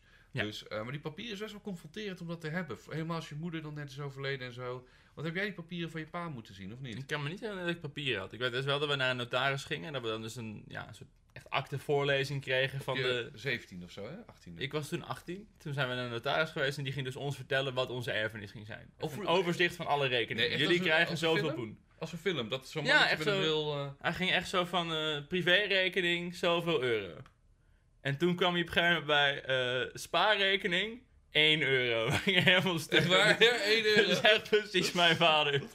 Hij ging 1 euro op zijn spaarrekening. Oh, wat goed. Ik denk dat ik dat niet in de vorige podcast verteld heb, maar eh, in principe, ik heb het wel eens vergeleken met, er zit altijd kaas in de muizenval. Ja. Ehm, had ik wel ergens nog een beetje mazzel met het overlijden van mijn vader. Hij had dus een levensverzekering. En best wel een goede ook. Het heet een inzittende verzekering. Ja. Wat dus inhoudt dat het idee is, het inzittende is geloof ik gebaseerd op een soort auto. Dat stelt dus een auto-ongeluk, dat de andere mensen in de auto, dat er goed voor gezorgd wordt. Oké. Zeg maar, er is een soort schade. Ja. Ehm, andere mensen hun levens worden ook verwoest, maar wij zorgen ervoor dat dat financieel gecompenseerd wordt. Dus ze hadden gewoon gekeken van, oké, hoeveel geld betaalt een, een ouder normaal aan zijn kinderen die gaan studeren? Want we gingen net studeren. Ja. Hebben ze dat een beetje berekend en hebben ze dat hele bedrag gewoon in één keer naar ons uitgekeerd. Als ik moet gokken, Dus volgens- 70? En volgens mij was het echt iets van, dat was meer dan 100.000 euro geloof ik. Meer dan 100. Meer dan 100.000 euro levensverzekering. Wow. En dat is toen eigenlijk gewoon grotendeels in de hypotheek van het huis gegaan. Maar PP of geduld Nee, nee, nee, eh, totaal. In totaal. en daarmee Wow. is dus het, het huis van mijn vader bijna grotendeels afbetaald. Oh, wat goed, man. En ja, daar woont mijn broertje nu in. Maar het idee is mogelijk dat hij er op een gegeven moment uitgaat. En dan verkopen die. En hebben we in principe allebei ruim een ton. Ja, lekker, man. Lief dat je het aan je broertje geeft. Ja, toch? Dat, ja. Nee, maar mijn broertje woont er nu. En die, ja, die betaalt eh, enkel de hypotheek. Dus die betaalt misschien eh, 100 euro per maand of zo om daar te wonen. Mm. Dus ik gun hem wel heel erg. We hebben daar ook eerder wel huurders gehad. Dichtbij, hè? Ja, toch veel gezeik hoor. Ja, dat wil je ook niet hebben. Ik, ik vind gewoon, weet je, het is met mijn eh, vader nu. Ik weet de papieren, die hebben we doorgenomen. We weten de wensen van mijn moeder, eh, die zijn we doorgenomen. We hebben alles op orde gekregen een beetje.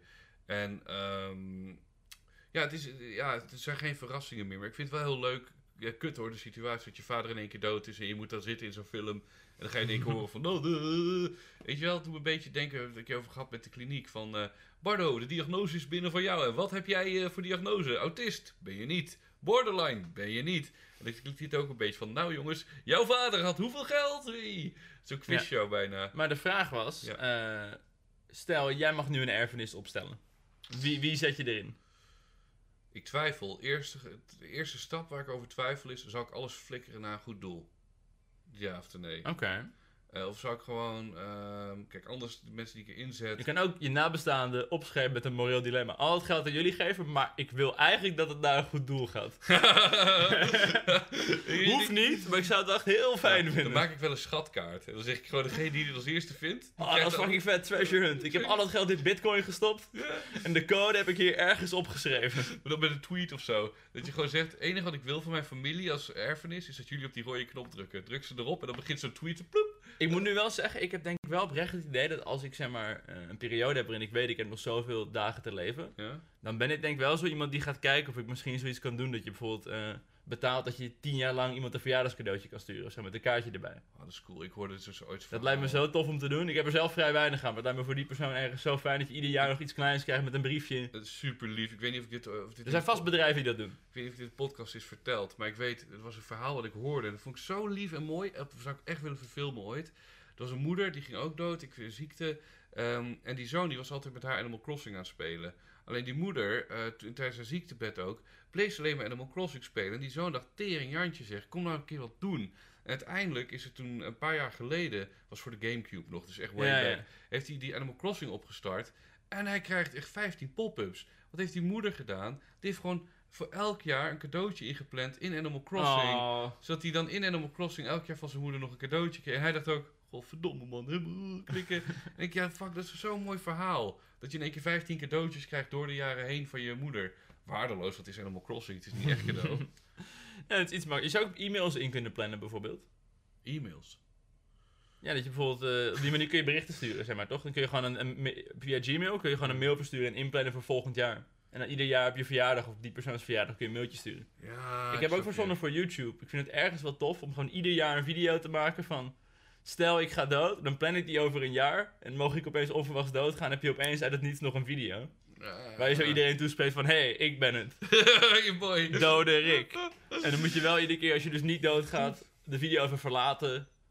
Of eh, weer een nieuwe maken, dat het een beetje up-to-date blijft. Mr. Beast had dat toch ook een keer? Hij had wel een video van 10 jaar geleden in ieder geval. Ja, dat, die, die video van tien jaar geleden, die hij over tien jaar had ingepland of zo. Dat hij dan online ik wil dat zo graag ook doen, maar ik ben gewoon te lui. Want ik wil video's altijd maken die vandaag online kunnen. Ik ben te lui om helemaal een video te maken en die over 10 jaar in te plannen. Oh, ik vind het wel een hele Misschien- sterke.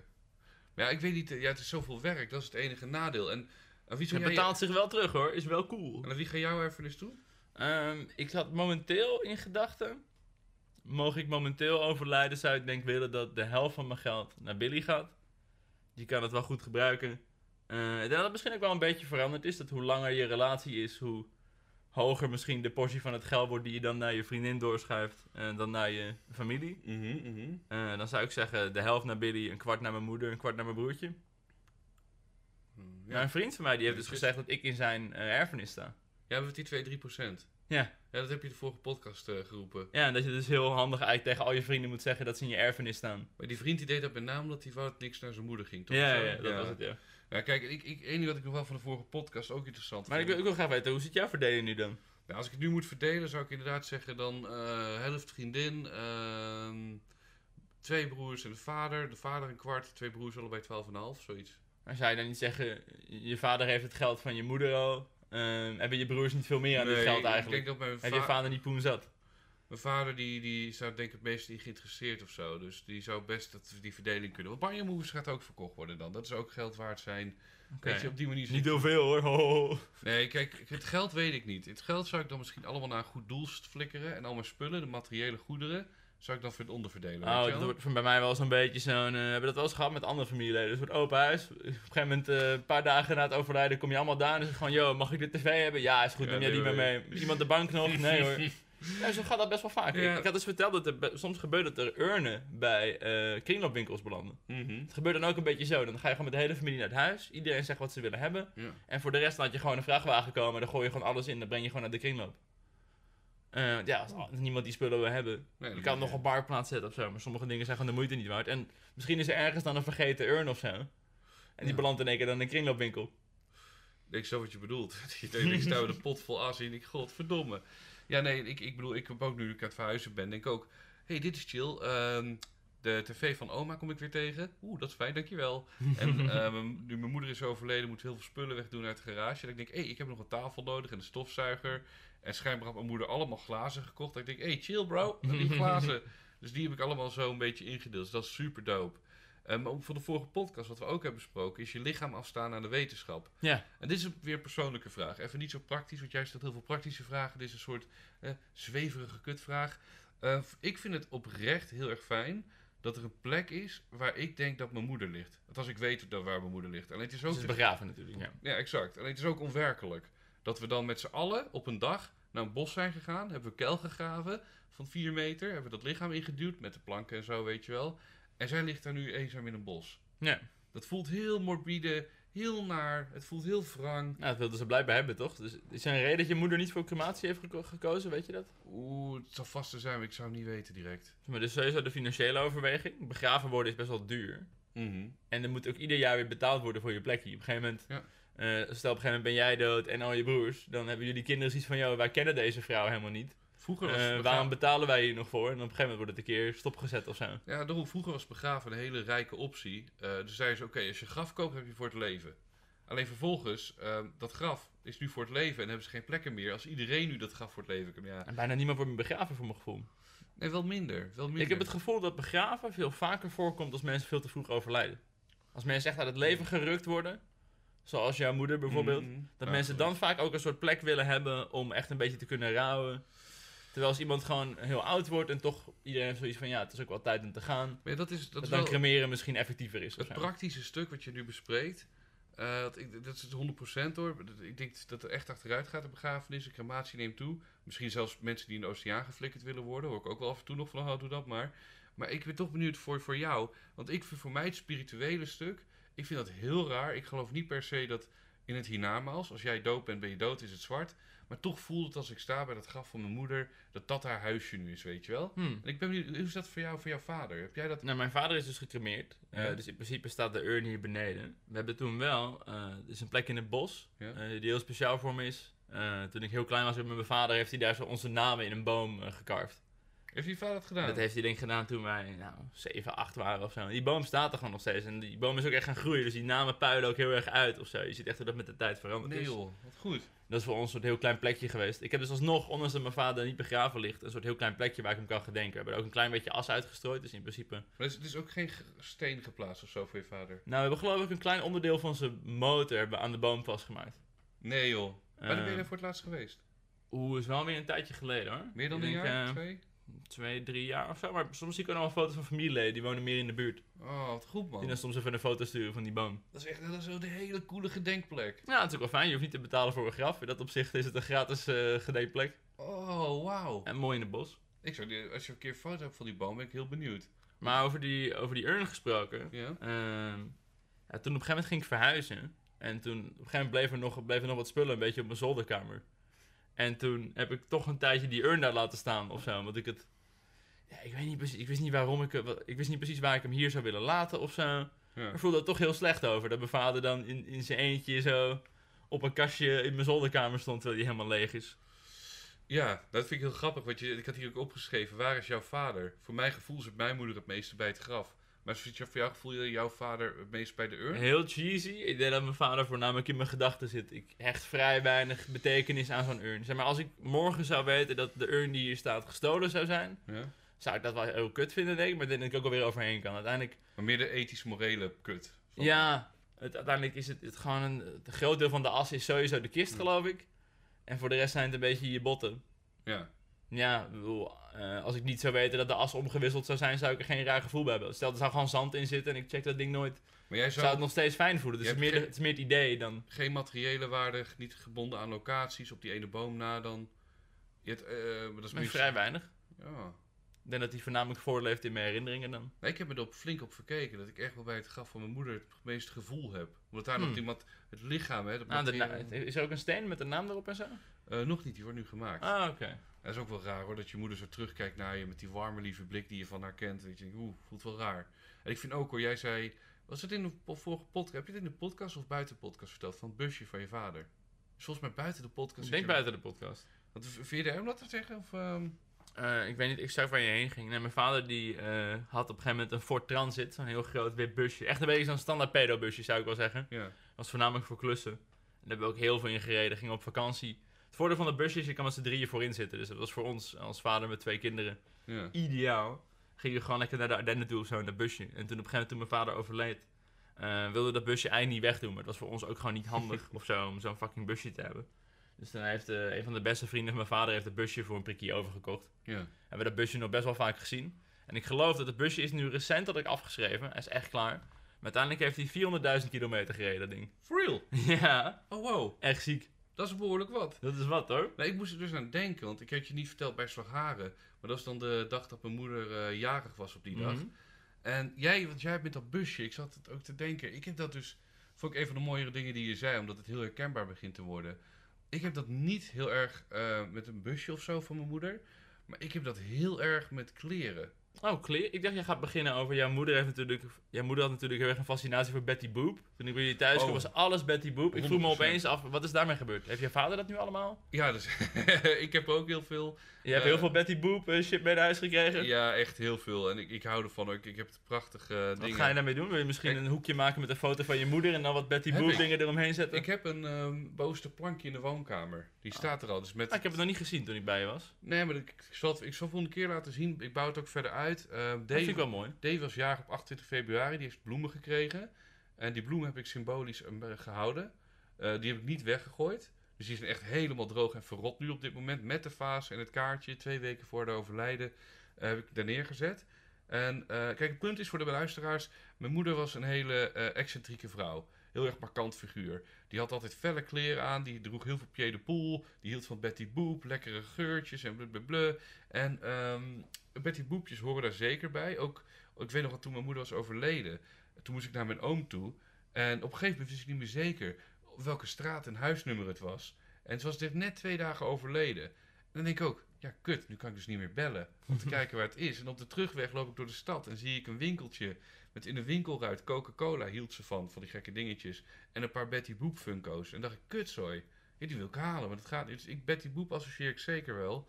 Maar ik had met jou in Slagharen dat ik een paar... ehm, sowieso eentje, die is hier niet heel charmant. Wij eh, over die rookruimte. eh, we liepen die arcadehal uit in Slagharen.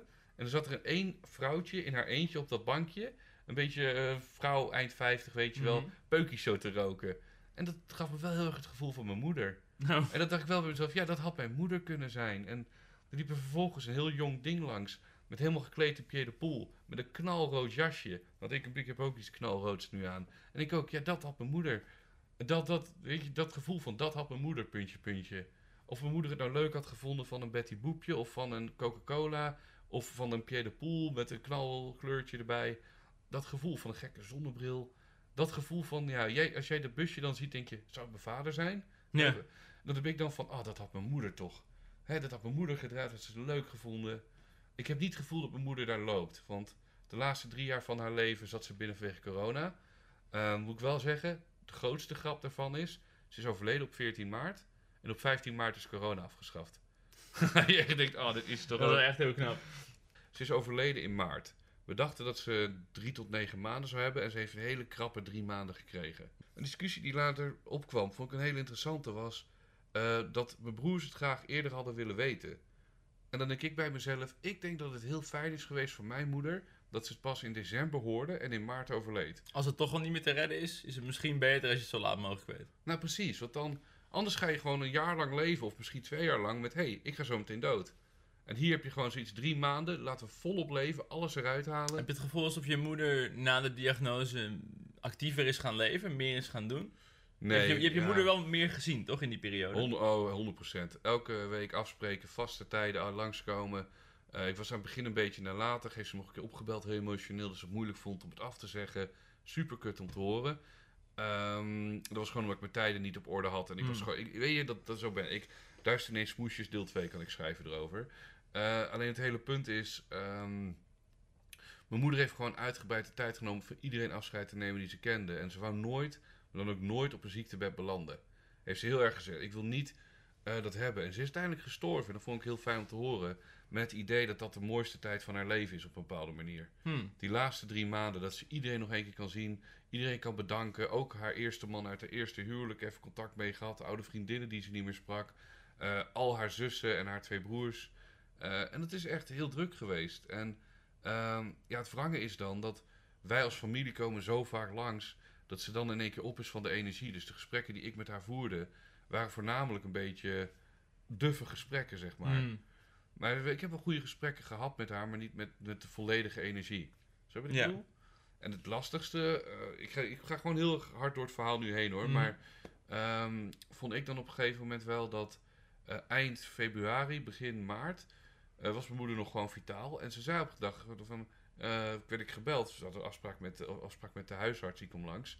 En werden we gebeld van, joh, ehm, nou, mama is er klaar voor, die wil euthanasie aanvragen. En ik, wat? Ze zat gisteren nog gewoon normaal aan tafel. Ze zit en zei, ja, ik ben er nu wel klaar mee.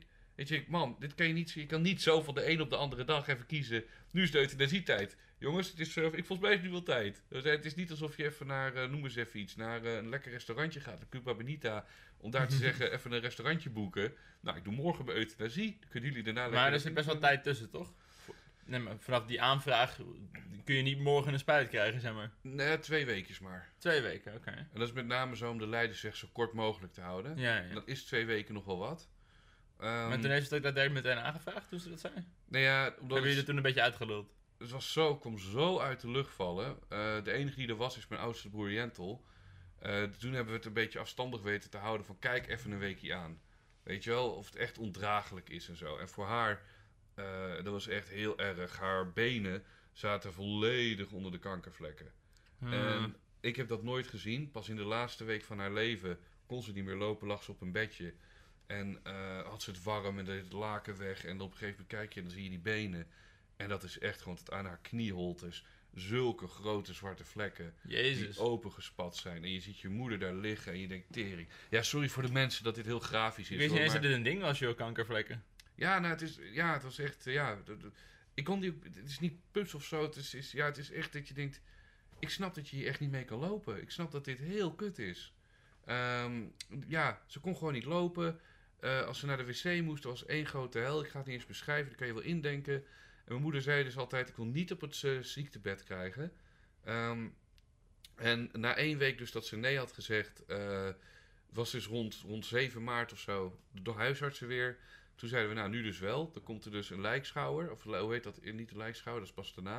Er komt iemand langs en die gaat kijken, moeten we dit doorvoeren? Zeg maar, maandag werd het aangevraagd. En maandagavond of dinsdagavond komt iemand langs die kijkt naar je lichaam en zegt, ja, inderdaad, je kan het, eh, we kunnen doorzetten. Dus toen werd het doorgezet. Ehm, en daar kwam iets bij waarbij ik echt heel pislink werd. Dat ik dacht, godverdomme. Eh, oorspronkelijk, mijn ouders, die zijn getrouwd op 21 maart. Dacht je, oké, we zitten in maart. Maar Ja. kan het nog een beetje aan? Ik voelde 21 maart aankomen. Misschien 28 maart of wat dan ook, weet je wel. Maar het restaurant waar het eh, allemaal gehouden zou worden, de hele ceremonie, was volgeboekt. De enige dag die ze vrij hadden was 18 maart voor de begrafenis. Dus werd het naar voren geschreven. De euthanasie werd naar voren geschoven voor de begrafenis? Nou ja. En dat je denkt, godverretering jongens. Je kan toch niet om praktische tyfusredenen de dood van mijn moeder wat naar voren persen. En Ja. ja, ergens wel raar of zo. Aan de andere kant, op het moment dat de arts verklaart dat het, het lijden te groot is, dan is het misschien zo snel mogelijk alleen maar beter, toch? exact. Het is heel tweeledig. Je zit in een soort tornado. Uiteindelijk eh, is dat natuurlijk het moeilijke. Eh, je wilt natuurlijk iemand zo lang mogelijk bij je houden. Bij huisdieren is het altijd een hele interessante.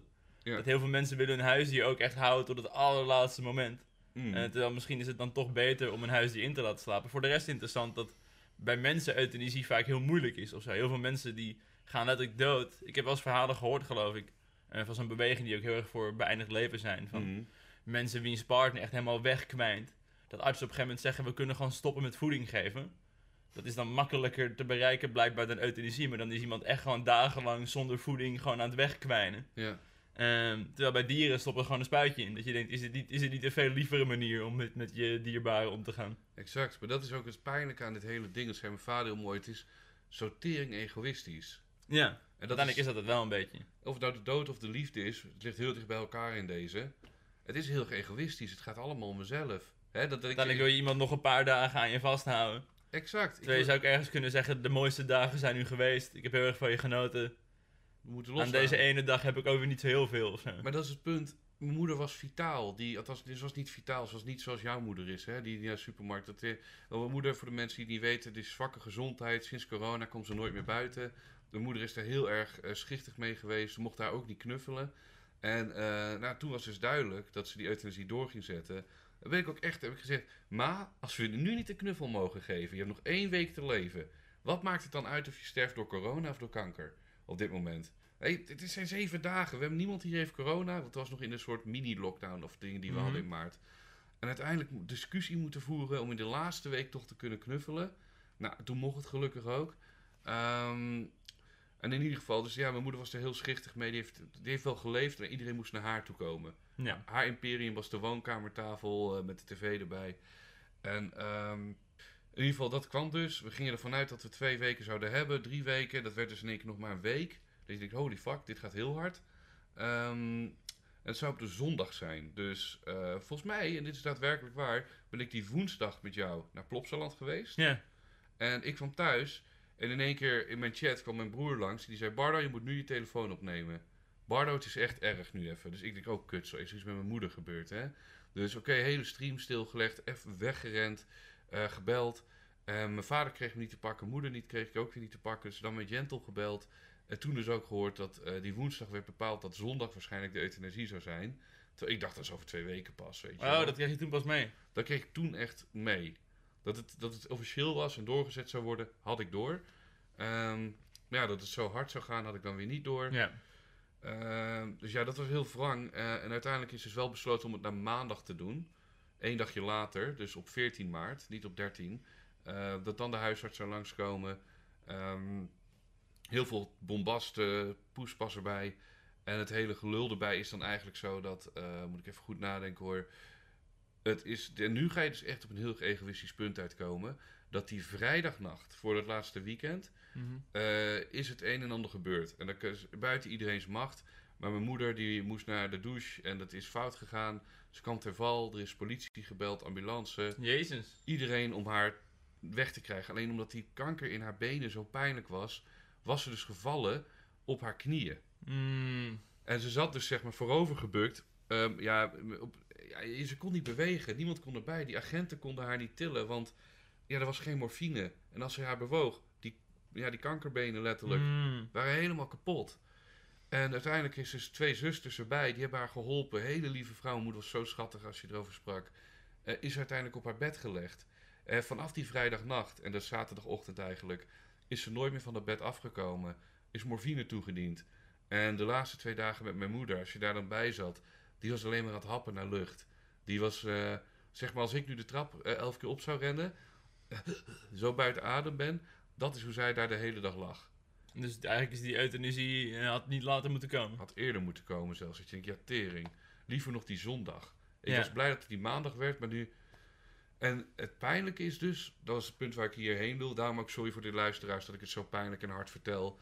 Maar het lijden van mijn moeder op dat moment heeft het voor mij een stuk draaglijker gemaakt. En dat is heel wrang. Dat is heel naar om te zeggen. Zeggen van, hé, hey, mijn moeder heeft zo moeten lijden dat ik ermee kan leven. Maar het is wel zo. Mijn moeder zei heel vitaal, ik wil de euthanasie aanvragen. Misschien voelde ze iets aankomen wat wij niet zagen, I don't know. Maar mijn moeder heeft dat aangevraagd, wij waren tegenstribbelen. En uiteindelijk, ehm, ja, als je ziet, de koek is gewoon echt op. Het kan gewoon echt op geen enkele manier meer dat zij ook maar een dag langer op dat bed leeft. Ze had een twee dagen korter op dat bed moeten liggen. Ja, en hoe voel je erbij? Dat, dat dat ook je laatste indruk is van haar? Is dat ook iets wat heel erg blijft hangen, dat beeld? Is dat, nee, is dat moeilijk voor je? Nee, dat is eh, wel heel mooi, denk ik. Ik denk dat het is heel wrang. Het is heel naar. Het is heel veel tegelijk. We hebben het geloof ik de eerste aflevering ook een beetje gehad over de eh, manier waarop ik mijn vader kwijtgeraakt ben. Wat juist in één keer keihard zonder enige aankondiging tak is. Versus juist zo'n soort ziektebed. En wat dan Ja, een fijne rouwproces zou kunnen zijn. daar moest ik ook heel erg over nadenken. Ik sprak gisteren mijn vader, ik zei ook, ik ga naar Rick toe. En zei ook, wat ga je nou bespreken in zo'n podcast? Zei ik, nou, dit is de grote stelling van mij ook in principe. Wat is fijner? Het overlijden van jouw vader in één keer? Of het overlijden van mijn moeder over een paar maanden? En eh, mijn broer zei heel terecht, een paar weken terug, dat het voelt alsof het lang is. Hè? Je hebt drie maanden de tijd om afscheid te nemen. Maar man, wat de tering is dat snel gegaan, zeg. Ja? Op een mensenleven, dat is veel. Je hebt drie maanden, dat zijn twaalf weken. Dat heb je twaalf keer heb ik met mijn moeder afgesproken. Plus in die laatste twee weken nog een paar keer erbij, laten we zeggen twintig keer. Ja. In die twintig gesprekken. En die eerste gesprekken, wanneer het nog het verste weg is, waren de meest heldere gesprekken. Maar die waren ook de meest inhoudloze gesprekken. Hm. Naarmate het dichterbij komt, neemt de kwaliteit van het gesprek af, maar de urgentie neemt toe, zeg maar. Ja, ja, ja. Die twee crossen elkaar vo- volledig. Ehm, dus ja, ik heb afscheid kunnen nemen. En ik had op een gegeven moment ook een lijst van vragen gemaakt. Van dit wil ik vragen, dit wil dit. Dat is wel slim of zo. Het is het wel, maar ja, het is ook, geeft me ook een heel leeg gevoel. Ik, ik heb die vragen niet kunnen stellen allemaal. Ah. En ik zou nooit antwoord kunnen krijgen op al die vragen, snap je? En als ik die vragen had weggewerkt, kwamen er nieuwe vragen. Dat zijn alle dingen dat ik denk, ja, ehm, uiteindelijk ook, eh zei ik toevallig van de eergisteren tegen jou uit Slagharen in de auto. Ik heb nog nooit een beroepsgeheim verraden van wie dan ook. Hè? Als mensen meedoen aan een tv-programma of een wat dan ook. Maar eh, die zaterdag of zondag, dat mijn moeder echt niet meer aanspreekbaar was aan de morfine aan het trippen. Ja, ik wil toch iets bespreken met haar. Ze ligt daar een beetje. Hè, we praten met elkaar, we kijken naar elkaar. We beleven elkaar, laat ik het zo zeggen.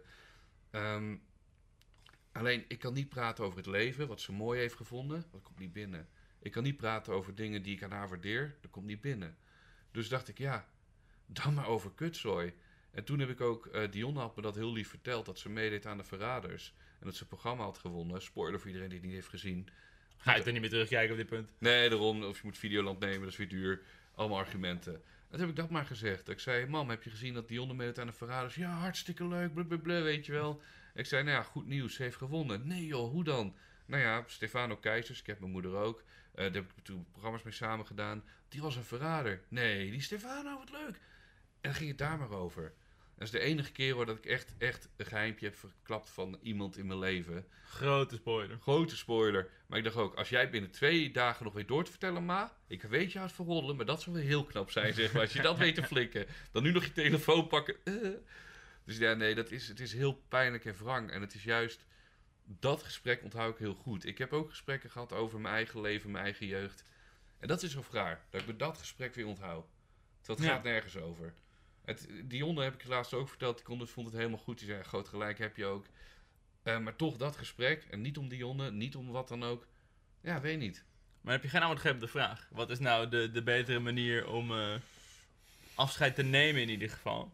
En misschien nog interessanter, eh, hoe is het voor jezelf? Zou jij graag willen dat je nog enkele weken hebt met het idee van... ik heb nog zoveel dagen te leven? Of zou je liever gewoon in één keer weg willen zijn? denk dat, ja, misschien inderdaad, ik heb half antwoord gegeven. Ik denk dat deze weg de beter is. Dan sorry voor, je, voor jou of je vader. Ehm, maar voor mijn gevoel, ik ben, ik ben voldaan. Hè, het is, eh, ik, ik ben voldaan en ik zal nooit helemaal 100% voldaan zijn. En daar moet ik mee leven. Ja. Als ze in één keer uit het leven was gegrepen, ben je helemaal niet voldaan. Nu ben ik een beetje voldaan. Ik heb haar in de ogen kunnen kijken, ik heb vragen kunnen stellen. Ik heb lieve, leuke dingen meegemaakt. Ik ben totaal gechoqueerd. Was ik in januari nog toen ze zei van... Yo, eh, Bardo, de euthanasiepapieren heb ik aangevraagd. Toen kwam ik in februari een keer langs om wat vlees op te halen in zo'n plullig kruidvattasje. Die had ze klaargelegd voor mij en ik daarmee, nou ik denk oké cool, ik ga door naar eh therapeutische sessie. Beeldende therapie had ik. Even heel gauw vijf minuten. En ze zei kom even zitten. En had ze een heel mooi beeldje voor me gemaakt. En zei ze, ik wil je toch op deze manier bedanken voor die eh 30 jaar dat ik je heb mogen beleiden in het leven. En ik dacht, oh, dat is verschrikkelijk mooi. Ja. En dat zijn die kleine, kleine dingetjes. Dat je denkt, ja, ja dit, dat blijft me bij. Dat zijn gesprekken van, ik, ja, dit is prachtig. Dit is... En als je in één keer uit het leven was getrokken, dan, dan heb je dat allemaal niet. Dat loop je allemaal volledig mis. En ik jij er nu nogmaals, jij hebt het meegemaakt, ik wil jou niet tekort doen, hoe sta jij erin? Ah, ik blijf het heel moeilijk vinden.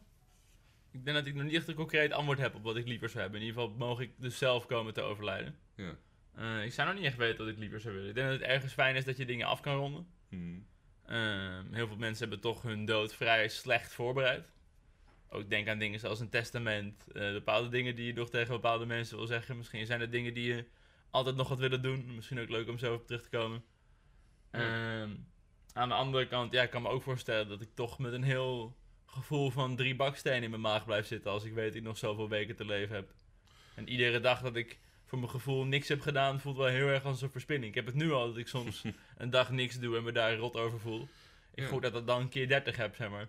Omdat de urgentie zo hoog is. Snap ik. En ook voor jou dan nog een keer terug naar de vraag. Dan, dan weet je ten aanzien van jouw vader. Had je liever gehad dat hij het ongeluk had overleefd en drie maanden later zou overlijden? Of dat hij gewoon, voor je het fijn dat hij direct eruit was? Nee, ik denk dan alsnog wel drie maanden, denk ik. Als je het zo stelt. Ja, dat... eh, Nou, als ik hem dan nog had kunnen spreken en zo. Ja. Ja, het sluit aan wat we net zeiden. Van dat het is, dit is een verschrikkelijk egoïstisch gesprek. Dat je eigenlijk zegt, ik wil hem nog drie maanden op het bed hebben liggen. Zodat het, het, het Nou, het hangt er, ook- hangt er ook een beetje vanaf wat de situatie is. Als hij alleen maar drie maanden pijn heeft, laat dat maar zitten. Ja, Als het drie maanden gewoon redelijk oké is en dan opeens eh, toch dood, dan eh, kan dat wel. Als ik nu bijvoorbeeld terug in de tijd mag reizen, voor mijn moeder mag kiezen, die laatste drie maanden, versus de gesprekken die ik heb gevoerd, had ik haar liever dan op die derde kerstdag direct gezegd: Oké, geef er, eindig het maar. Dan had ik waarschijnlijk wel gekozen voor deze drie extra maanden. Ja. En wat ik trouwens ook even eh, een soort side note. Wat voor mij heel veel troost heeft gebracht. En dan wil ik toch meegeven aan heel veel luisteraars of zo. eh, ik heb zo verschrikkelijk tering veel geluk gehad. Dat ik die kliniek in ben gegaan. Want in die kliniek, voor de mensen die het niet meekregen. Het is niet zomaar verslavingskliniek. Het is verslaving psychiatrie. Ja. Je gaat echt duiken in je verleden. Je gaat dingen onderzoeken. Nou, wat je zegt, het lost echt een beetje het probleem op, toch? Sommige klinieken zijn gewoon, yo, we stoppen jou in een soort klein celletje. Jij mag Exact. geen drugs doen. En dan over een paar weken gaat het celletje open en dan ga je weer terug de wereld in. Exact, dan ben je terug bij af. Maar de echte challenge begint natuurlijk als je weer thuis bent en je je standaard dagroutine hebt en dan niet weer terugvalt in je gewoontes. Precies. En dan moet je de oorzaak van het drugsgebruik. Exact, dat, is, Opsporen. dat is psychiatrie inderdaad. Ja. Waar je echt gaat zoeken van wat is nou die trigger? Is het dan, want ik bedoel, ik ben echt een moederskindje puur zang. Ik eh, hou van mijn moeder met heel mijn hart, blablabla. Eh, mijn broers die trokken meer naar mijn vader en naar elkaar toe. En mijn moeder en ik, wij liepen altijd samen. Was ook heel wrang eh, bij het uitzoeken van de foto's voor de begrafenis. Wat een teringwerk is dat trouwens, als je dat moet regelen. Dat heb ik gedaan met mijn vader.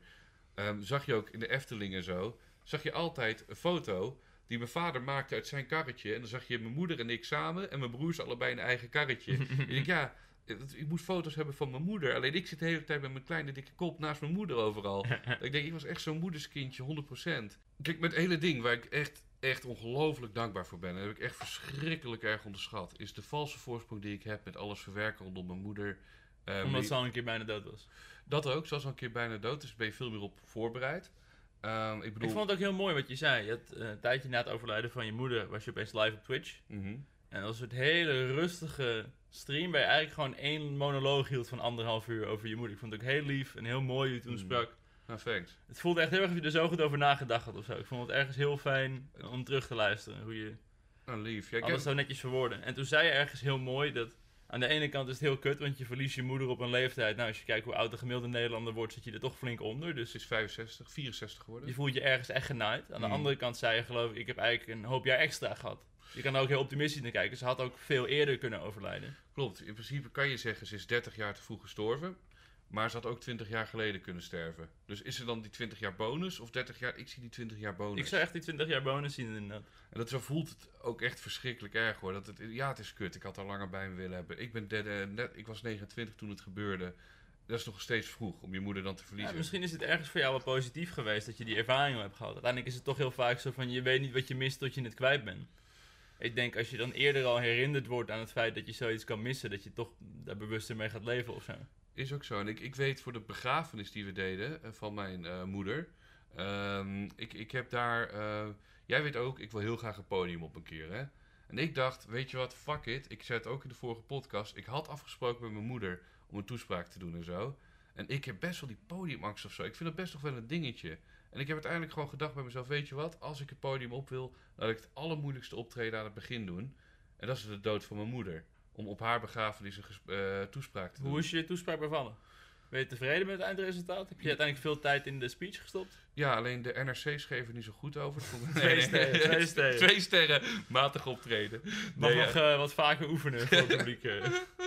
nee, het was bevallen. Het was echt... heb jij gesproken op de begrafenis van je pa? Ik heb gesproken op de begrafenis van mijn vader, maar ik, heb, ik zag zo op tegen het schrijven ervoor dat ik het echt heel erg last minute heb gedaan. Maar gewoon een, een klein blaadje, een bierfilmpje? Ja, nou, het was, was sowieso best wel kort. Eh, wel gewoon heel erg gemeend uit het hart. Het ging voornamelijk heel algemeen een beetje over dus de dingen die je heel erg mist. Eh, gewoon Oh. kleine dingetjes en nog een paar mooie herinneringen. Goed. Maar achteraf, als ik terug zou kunnen gaan, zou ik wel echt een week ervoor willen zitten. En echt veel meer anekdotes en dingen. En dat ik toch net iets beter het beeld kan geven van hoe ik mijn vader zag of zo. Goed. Ik heb eh 2,5 A4'tje ongeveer gehad. Nou, 2 A4'tje plus wat meer. 2,5 laten we zeggen. Moest je, moest je meteen aan het begin huilen? Daar had ik heel erg last van. Dat zie je ook heel vaak bij uitvaart. Dat mensen eigenlijk de eerste paar woorden er niet uitkrijgen. Nou nee, ik ben echt eh, als een stier uit de startblokken gegaan. Ja? En het, het voelde, en zo, ik kan niet anders beschrijven dan een soort tornado. Waarbij een paal in het midden staat. Die kan alleen maar vasthouden aan die paal in die fucking tornado. En ze voelde het ook. Ik dacht, oké, blad, mensen, praten, gaan. Weet je wel, het was, persoon, het was niet persoonlijk genoeg misschien. Het was Hmm. veel meer op een soort modus dat ik dacht, ja, kutzooi, kom op. Kom op, ik wil dit goed doen. Ik, eh, ja, Nee, je ziet dat mensen vooral heel erg struggelen bij of de eerste paar woorden en de laatste paar woorden. Dat zijn echt de moeilijke gedeeltes. Het tussenstuk, dat lukt meestal wel. Daar, daar rol je wel doorheen. ja. Maar het beginnen en het eindigen of zo is toch heel moeilijk vaak. Is ook zo. En ik, ik denk van, als ik kijk naar de speech, de drie woorden die heel belangrijk waren, waren met name liefde, trots en vertrouwen. Mijn broer had later zelf, eh, die wou zelf niet praten, maar er is een soort ding voorgelezen van hem. En er kwamen ook met name die drie woorden in voorbij. Dat vond ik heel grappig om te zien. Dat we los van elkaar met name liefde, trots en vertrouwen. Wat een fijn fundament is voor elk gezin. En ik vind zo, als ik aan terugdenk, eh één woord waarvan ik echt baal dat ik het niet heb genoemd, is vanzelfsprekend. Ah, ja. Alles is zo vanzelfsprekend. Als je je vader, je moeder, die liefde, die steun ervaart, als je dat bij je hebt. Het is zo fucking vanzelfsprekend. En nu, ehm, nu het weg is, denk je, denk je, ja, kut, het was niet vanzelfsprekend. Het is allemaal, eh, het- het- nee, het is heel mooi en gelukkig dat het er was.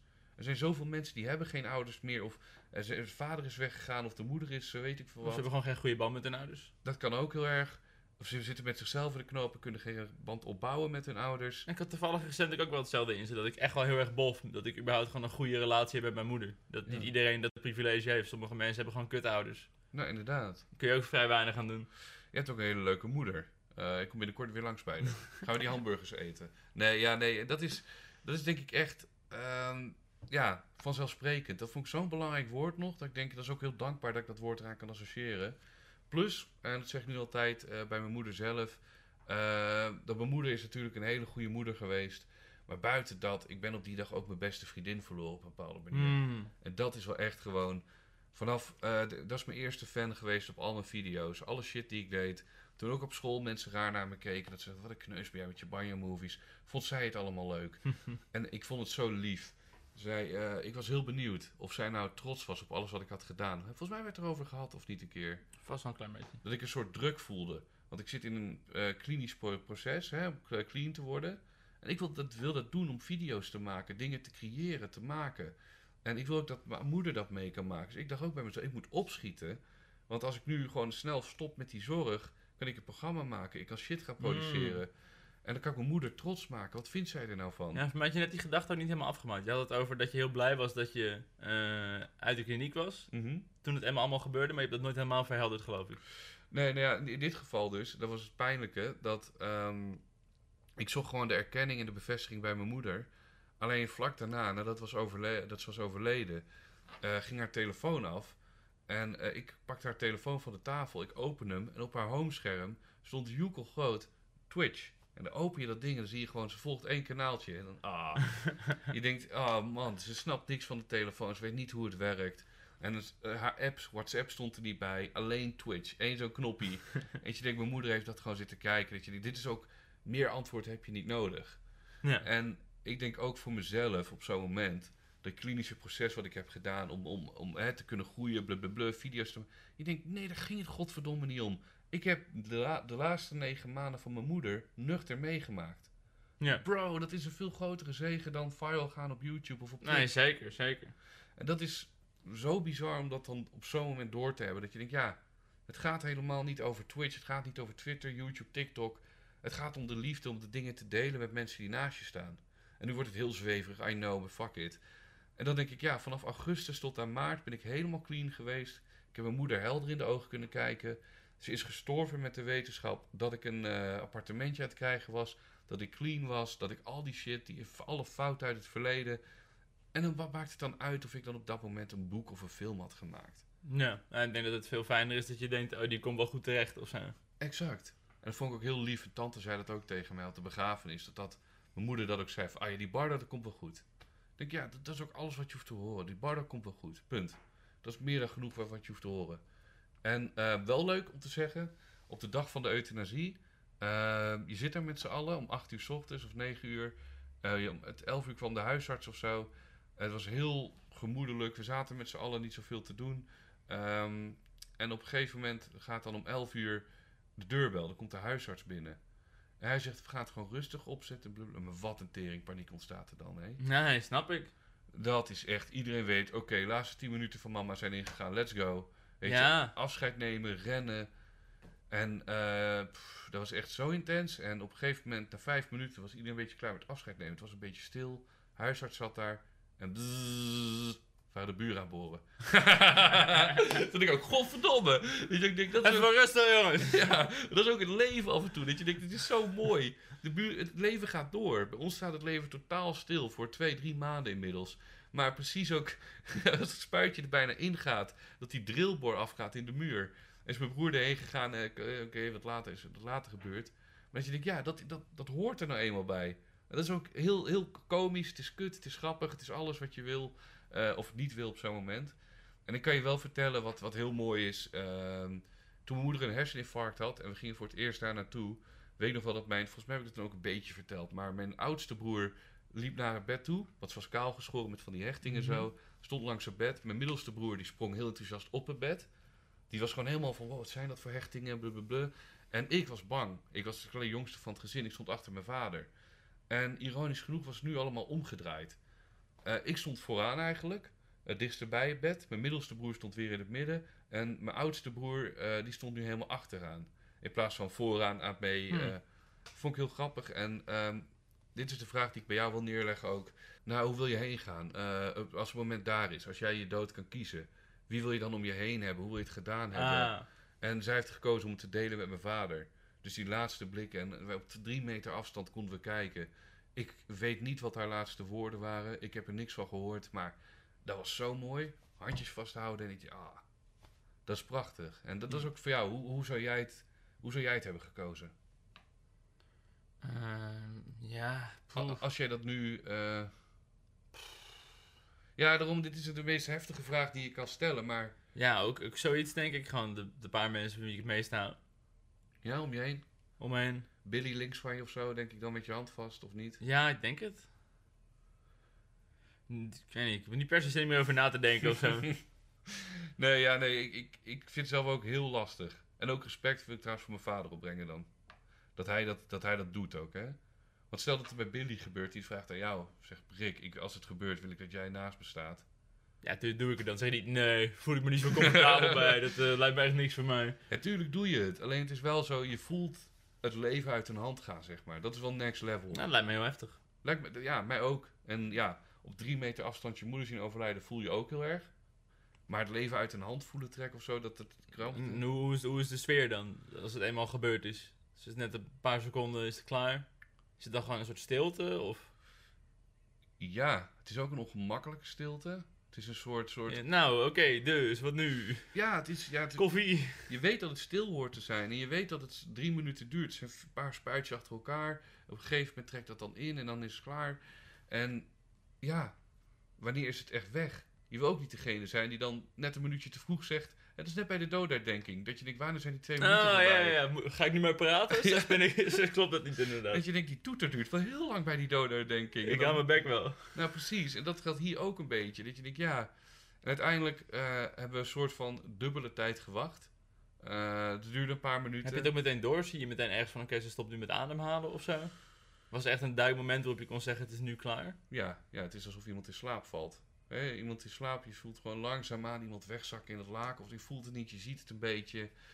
Ehm, ja, die borst beweegt niet meer. Ik zei ook al, had een hele intense, diepe adem. Ah, die, die, wordt- die, die zakt natuurlijk weg, ja.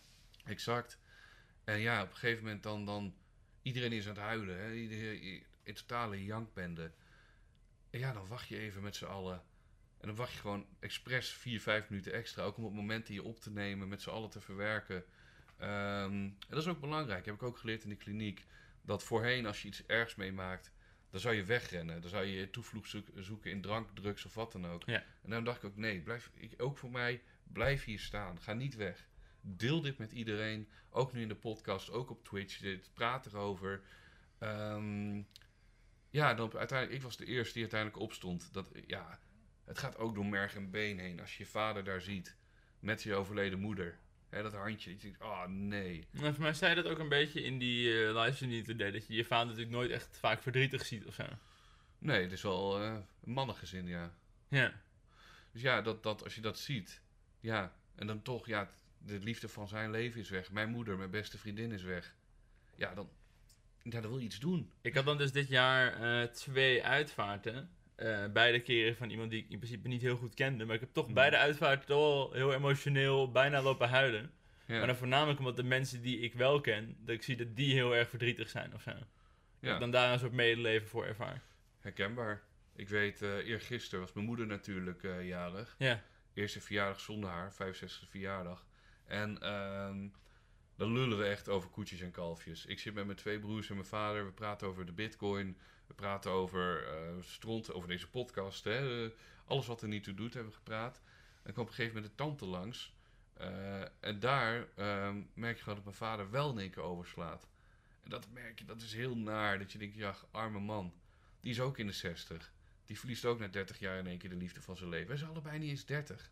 Moet je nagaan dat het hele leven wat wij hebben geleefd allebei... dat dat helemaal in het niets valt, dat het helemaal niet te doet. Jij moet nog 10 jaar wachten voordat je de hele relatie... die mijn ouders hebben meegemaakt samen hebt meegemaakt, zeg maar. En dat is je hele leven. En dat is, ja, ik snap het. En als je dat ziet, dat gaat echt door merg en been heen. En ja, ja dan kom je toch zo uit zo'n mannengezinnetje. Uh, mannen, uh. I don't know, man. Dat is eh, verschrikkelijk. En ik denk, het enige wat ik nog toe wil voegen, ja, ik kan uren erover doorlullen, maar ik zie het je iets van vragen, is chapeau voor mijn moeder dat ze zich zo groot heeft gehouden ook. Dat heeft of ons ook heel veel makkelijker gemaakt. Ook heel veel intenser toen de euthanasie wel werd aangevraagd. Ehm, ja, het is voor haar de mooiste periode van haar leven geweest op een gekke manier. Hm. Ja, heel apart. Wat wou je zeggen daarnet? Ik zag je een... Eh, nou, ik had voornamelijk wat vragen die ik een beetje... eh, gewoon wat algemene vragen. Die, schuiven die een beetje naar het begin toe. Ja, tuurlijk. We moeten dan even een leuk einde verzinnen, denk ik. We lullen lekker heen en weer. En dan, al- dan misschien wordt deze podcast gewoon een kwartier langer, boeien. Ja, dat is geen probleem. En wel benieuwd, wanneer voel jij het meeste de dood van je geliefde? Eh, voornamelijk als ik dingen heel erg eh, te vieren heb of zo. Als ik trots ben op iets. Ik weet de dag dat ik afstudeerde Mhm. eh, voor mijn bachelors. En dat ik toen wel echt heel erg mijn vader miste of zo. Bij zo'n uitreikingsceremonie of zo. Ja, Dan zie je iedereen daar met zijn ouders zitten. ja. Ik was daar dan met mijn moeder. Dan, dan mis je zo iemand toch heel erg of zo. Ja, maar de woorden uit de bek, dat, dat valt mij dus ook het meest Ik had voor mij dus... eh, mijn vader overleed geloof ik drie dagen nadat ik de middelbare school examens had gehaald. Dat ik dat wist. Dat ik dat telefoontje kreeg van je bent geslaagd. Mhm. Zijn laatste appje naar mij is ook echt iets van... Hé, hey, ik ben heel trots op je, goed gedaan. Het is heel fijn dat ik dat niet met eh, negatieve berichten heb afgesloten. Maar dat- zodra ik toen eenmaal die uitreiking had, toen, toen miste ik hem wel heel erg natuurlijk. Ja, je wilde dit delen, je wilde het, ja, hem trots houden. Hij is al trots, maar blijven houden of zo, ja. Herken, want ik heb dat dus ook. Dat, daar kwam ik echt van een koude kermis thuis. Toen ik, ehm, ja, gewoon dat huis wat ik nu heb. Ja, je wilde graag je moeder bellen. Mam, ik heb hem, ik heb het huis geregeld. 100%. Ik, ik wil niet dat de kijkers weten waar ik woon, maar je weet gewoon, ik had mijn moeder kunnen bellen en we hadden naar elkaar kunnen zwaaien. Hè, je weet van mijn plek waar ik woon. ja. Dat had ze gedaan, elke dag weer. Corona of geen corona. Hoe, hoe blij dat is, dat is, dat is een rare. Kijk, je hebt een soort van golflijntjes, hè, van de hoogste hoogtepunten. Daar mis ik mijn moeder heel erg. En de diepste dalen. en de diepste daad. Alles daartussen niet. En ik weet ook, ik heb een periode gehad. nou, ik zit nog steeds in een rouwproces, daar niet van. Maar dat je gewoon echt een soort schuldgevoel hebt. Dat je af en toe denkt, ja, ik ben niet de hele dag bezig. Want ook als ik die eerste podcast luister tussen ons over de dood. Toen jij vertelde van je vader die dood is. Klinkt als een, een doemscenario. Dan zou ik echt kapot gaan, dacht ik op dat moment. En nu is mijn moeder overleden. En ja, ik functioneer nog wel enigszins. Ik praat nog wel met mensen. Ik lig echt s'nachts. Nee, maar dat is alleen maar goed. Ik denk dat, stel, jij zou dood zijn. Mhm. Uiteindelijk zou jij het liefst willen dat jouw broers en jouw vader zo snel mogelijk doorgaan met leven. Tuurlijk. Jij bent dood, dat is helemaal kut, maar daar kunnen we precies niks aan veranderen. Ik denk dat uiteindelijk jouw moeder ook gewoon wil dat jij eh, zoveel mogelijk eh, gewoon je leven oppakt. Tuurlijk is het fijn om herinnerd te worden. Ze zal het vast heel fijn vinden dat je veel aan het denkt. Ja. Maar ik denk dat zij er echt niet wat aan heeft als jij een kutdag hebt. Alleen maar omdat je denkt, ja, mijn moeder is er niet meer. Ik ga de hele dag in bed liggen. 100%. Ik denk niet dat ze boven, als, ze, als er een hemel is, dat ze meekijkt. denkt, Godverdomme, die Bardo die mist me niet eens. dus zo zou het niet zijn. Maar meer, meer wel zo'n gevoel voor mezelf. Dat als het leed bij een ander indenken erover, voelt veel groter dan het leed nu voor mij voelt. Snap je wat ik bedoel? Ik probeer het, Dus ja... er- ergens vind je eigenlijk al dat je hoeveelheid rouw meevalt of zo. Je had verwacht dat het kutter zou zijn. Het, het valt mee, maar aan de andere kant wil ik wel erbij zeggen, de rouw... ehm, ik had hem veel dieper verwacht, constant. Hmm. En het is een soort van een laag die je heel lang voelt. Je bent ietsje lager. En ik merk ook eh, in stille momenten, in de nacht bijvoorbeeld. Ik heb ook heel ik stream nu veel vaker in de avond ook. In de Mhm. na- omdat ik het echt kut vind om in mijn eentje in bed te gaan liggen. Hmm, of met, Davy. En dan ja, ga ik mijn hoofd malen. En ik slaap echt de hele laatste tijd alleen maar tussen 7, 8 uur 's ochtends. eh, heel Oeh. vaak. Ja, vannacht even 5 uur omdat ik uitgeput was. Maar dat is een soort van, ja, dat is een soort low die je dan voelt. Van ik denk, eh, niet echt fijn. Ik heb wel het gevoel alsof we deze podcast echt een keer moeten afsluiten. We zijn nu al bijna twee uur aan het opnemen. Nou, ik zit te denken om het te splitten misschien in twee delen. Nou, ik denk dat ik juist misschien hier eh, een beetje een soort van kern uit ga proberen te knippen. Dat iets ga proberen te condenseren naar de takeaway messages, zodat het gewoon... eh, Weet je zeker? We kunnen er twee van maken. Dan heb je gewoon een soort dubbele dood. ah, ik, ik, ik denk dat ik hier wel gewoon wat mee kan. En dat het misschien anderhalf uur wordt of zo. Ja, zeker weten? Dat denk ik wel. Wil je nog iets moois? Ik, ik had in principe eigenlijk ook nog wel graag een klein beetje verder ingaan op hoe je rouw inderdaad erva- ervaart. Ja, daarom dacht ik ook, we kunnen een praktische stuk en een rauw stuk maken. Nou, we kunnen dat ook altijd nog splitten voor een derde aflevering. Mogen dit erg in de smaak vallen, denk ik. Ja, of we maken er gewoon één keer een hele grote twee uur special van. Als groepmakertje voor de zeikerts. Ehm Maar wat wil je nog vragen? Want wat wil jij nog heel graag hierin hebben? Dus wil ik zeggen? eh, ik, ik, ik denk dat we wel redelijk, redelijk veel besproken hebben nu. Ja, ik denk de, de grote kern is gewoon, het is gigantisch kut. Eh, iedereen gaat uiteindelijk dood. Hij haalt meest uit elke dag, denk ik, met elkaar. Ehm, ja, en wat jij net ook zei, als iemand overleden is. Ik denk inderdaad, niet, ze worden er niet blij van dat als wij ons leven gaan inperken omdat iemand overleden is. Zeker niet. Haalt meest uit elke dag. En eh, ik denk ook vanuit mij wat ik heel graag mee wil geven. Het kliniekverhaal. Ik ging de kliniek in voor video's. En negen maanden later ben ik als een kind zo blij dat ik die laatste negen maanden met mijn moeder gewoon volledig nuchter heb meegemaakt. En ik zeg echt voor jezelf, werk erom zo snel mogelijk aan jezelf. Leg ruzies bij. En verbeter jezelf, want ja, daar heb je het meeste ook uit anderen. Niet alleen uit jezelf, maar ook uit anderen. Dat is zo chill. Willen we nog eh, de podcast met iets a- afsluiten? Met een leuk grapje? Ja, doe dat maar. Oké, ehm, hoe haal je een zebra uit de sloot? Streepje voor streepje. Bingo. Woe! Bedankt voor het luisteren. En tot de volgende aflevering, waar wij het gaan hebben over necrofilie. Welkom jongens bij de Necrofilie de podcast. Tot die tijd denken wij... Lijken een- neuken. Let's go. Doei! Doei!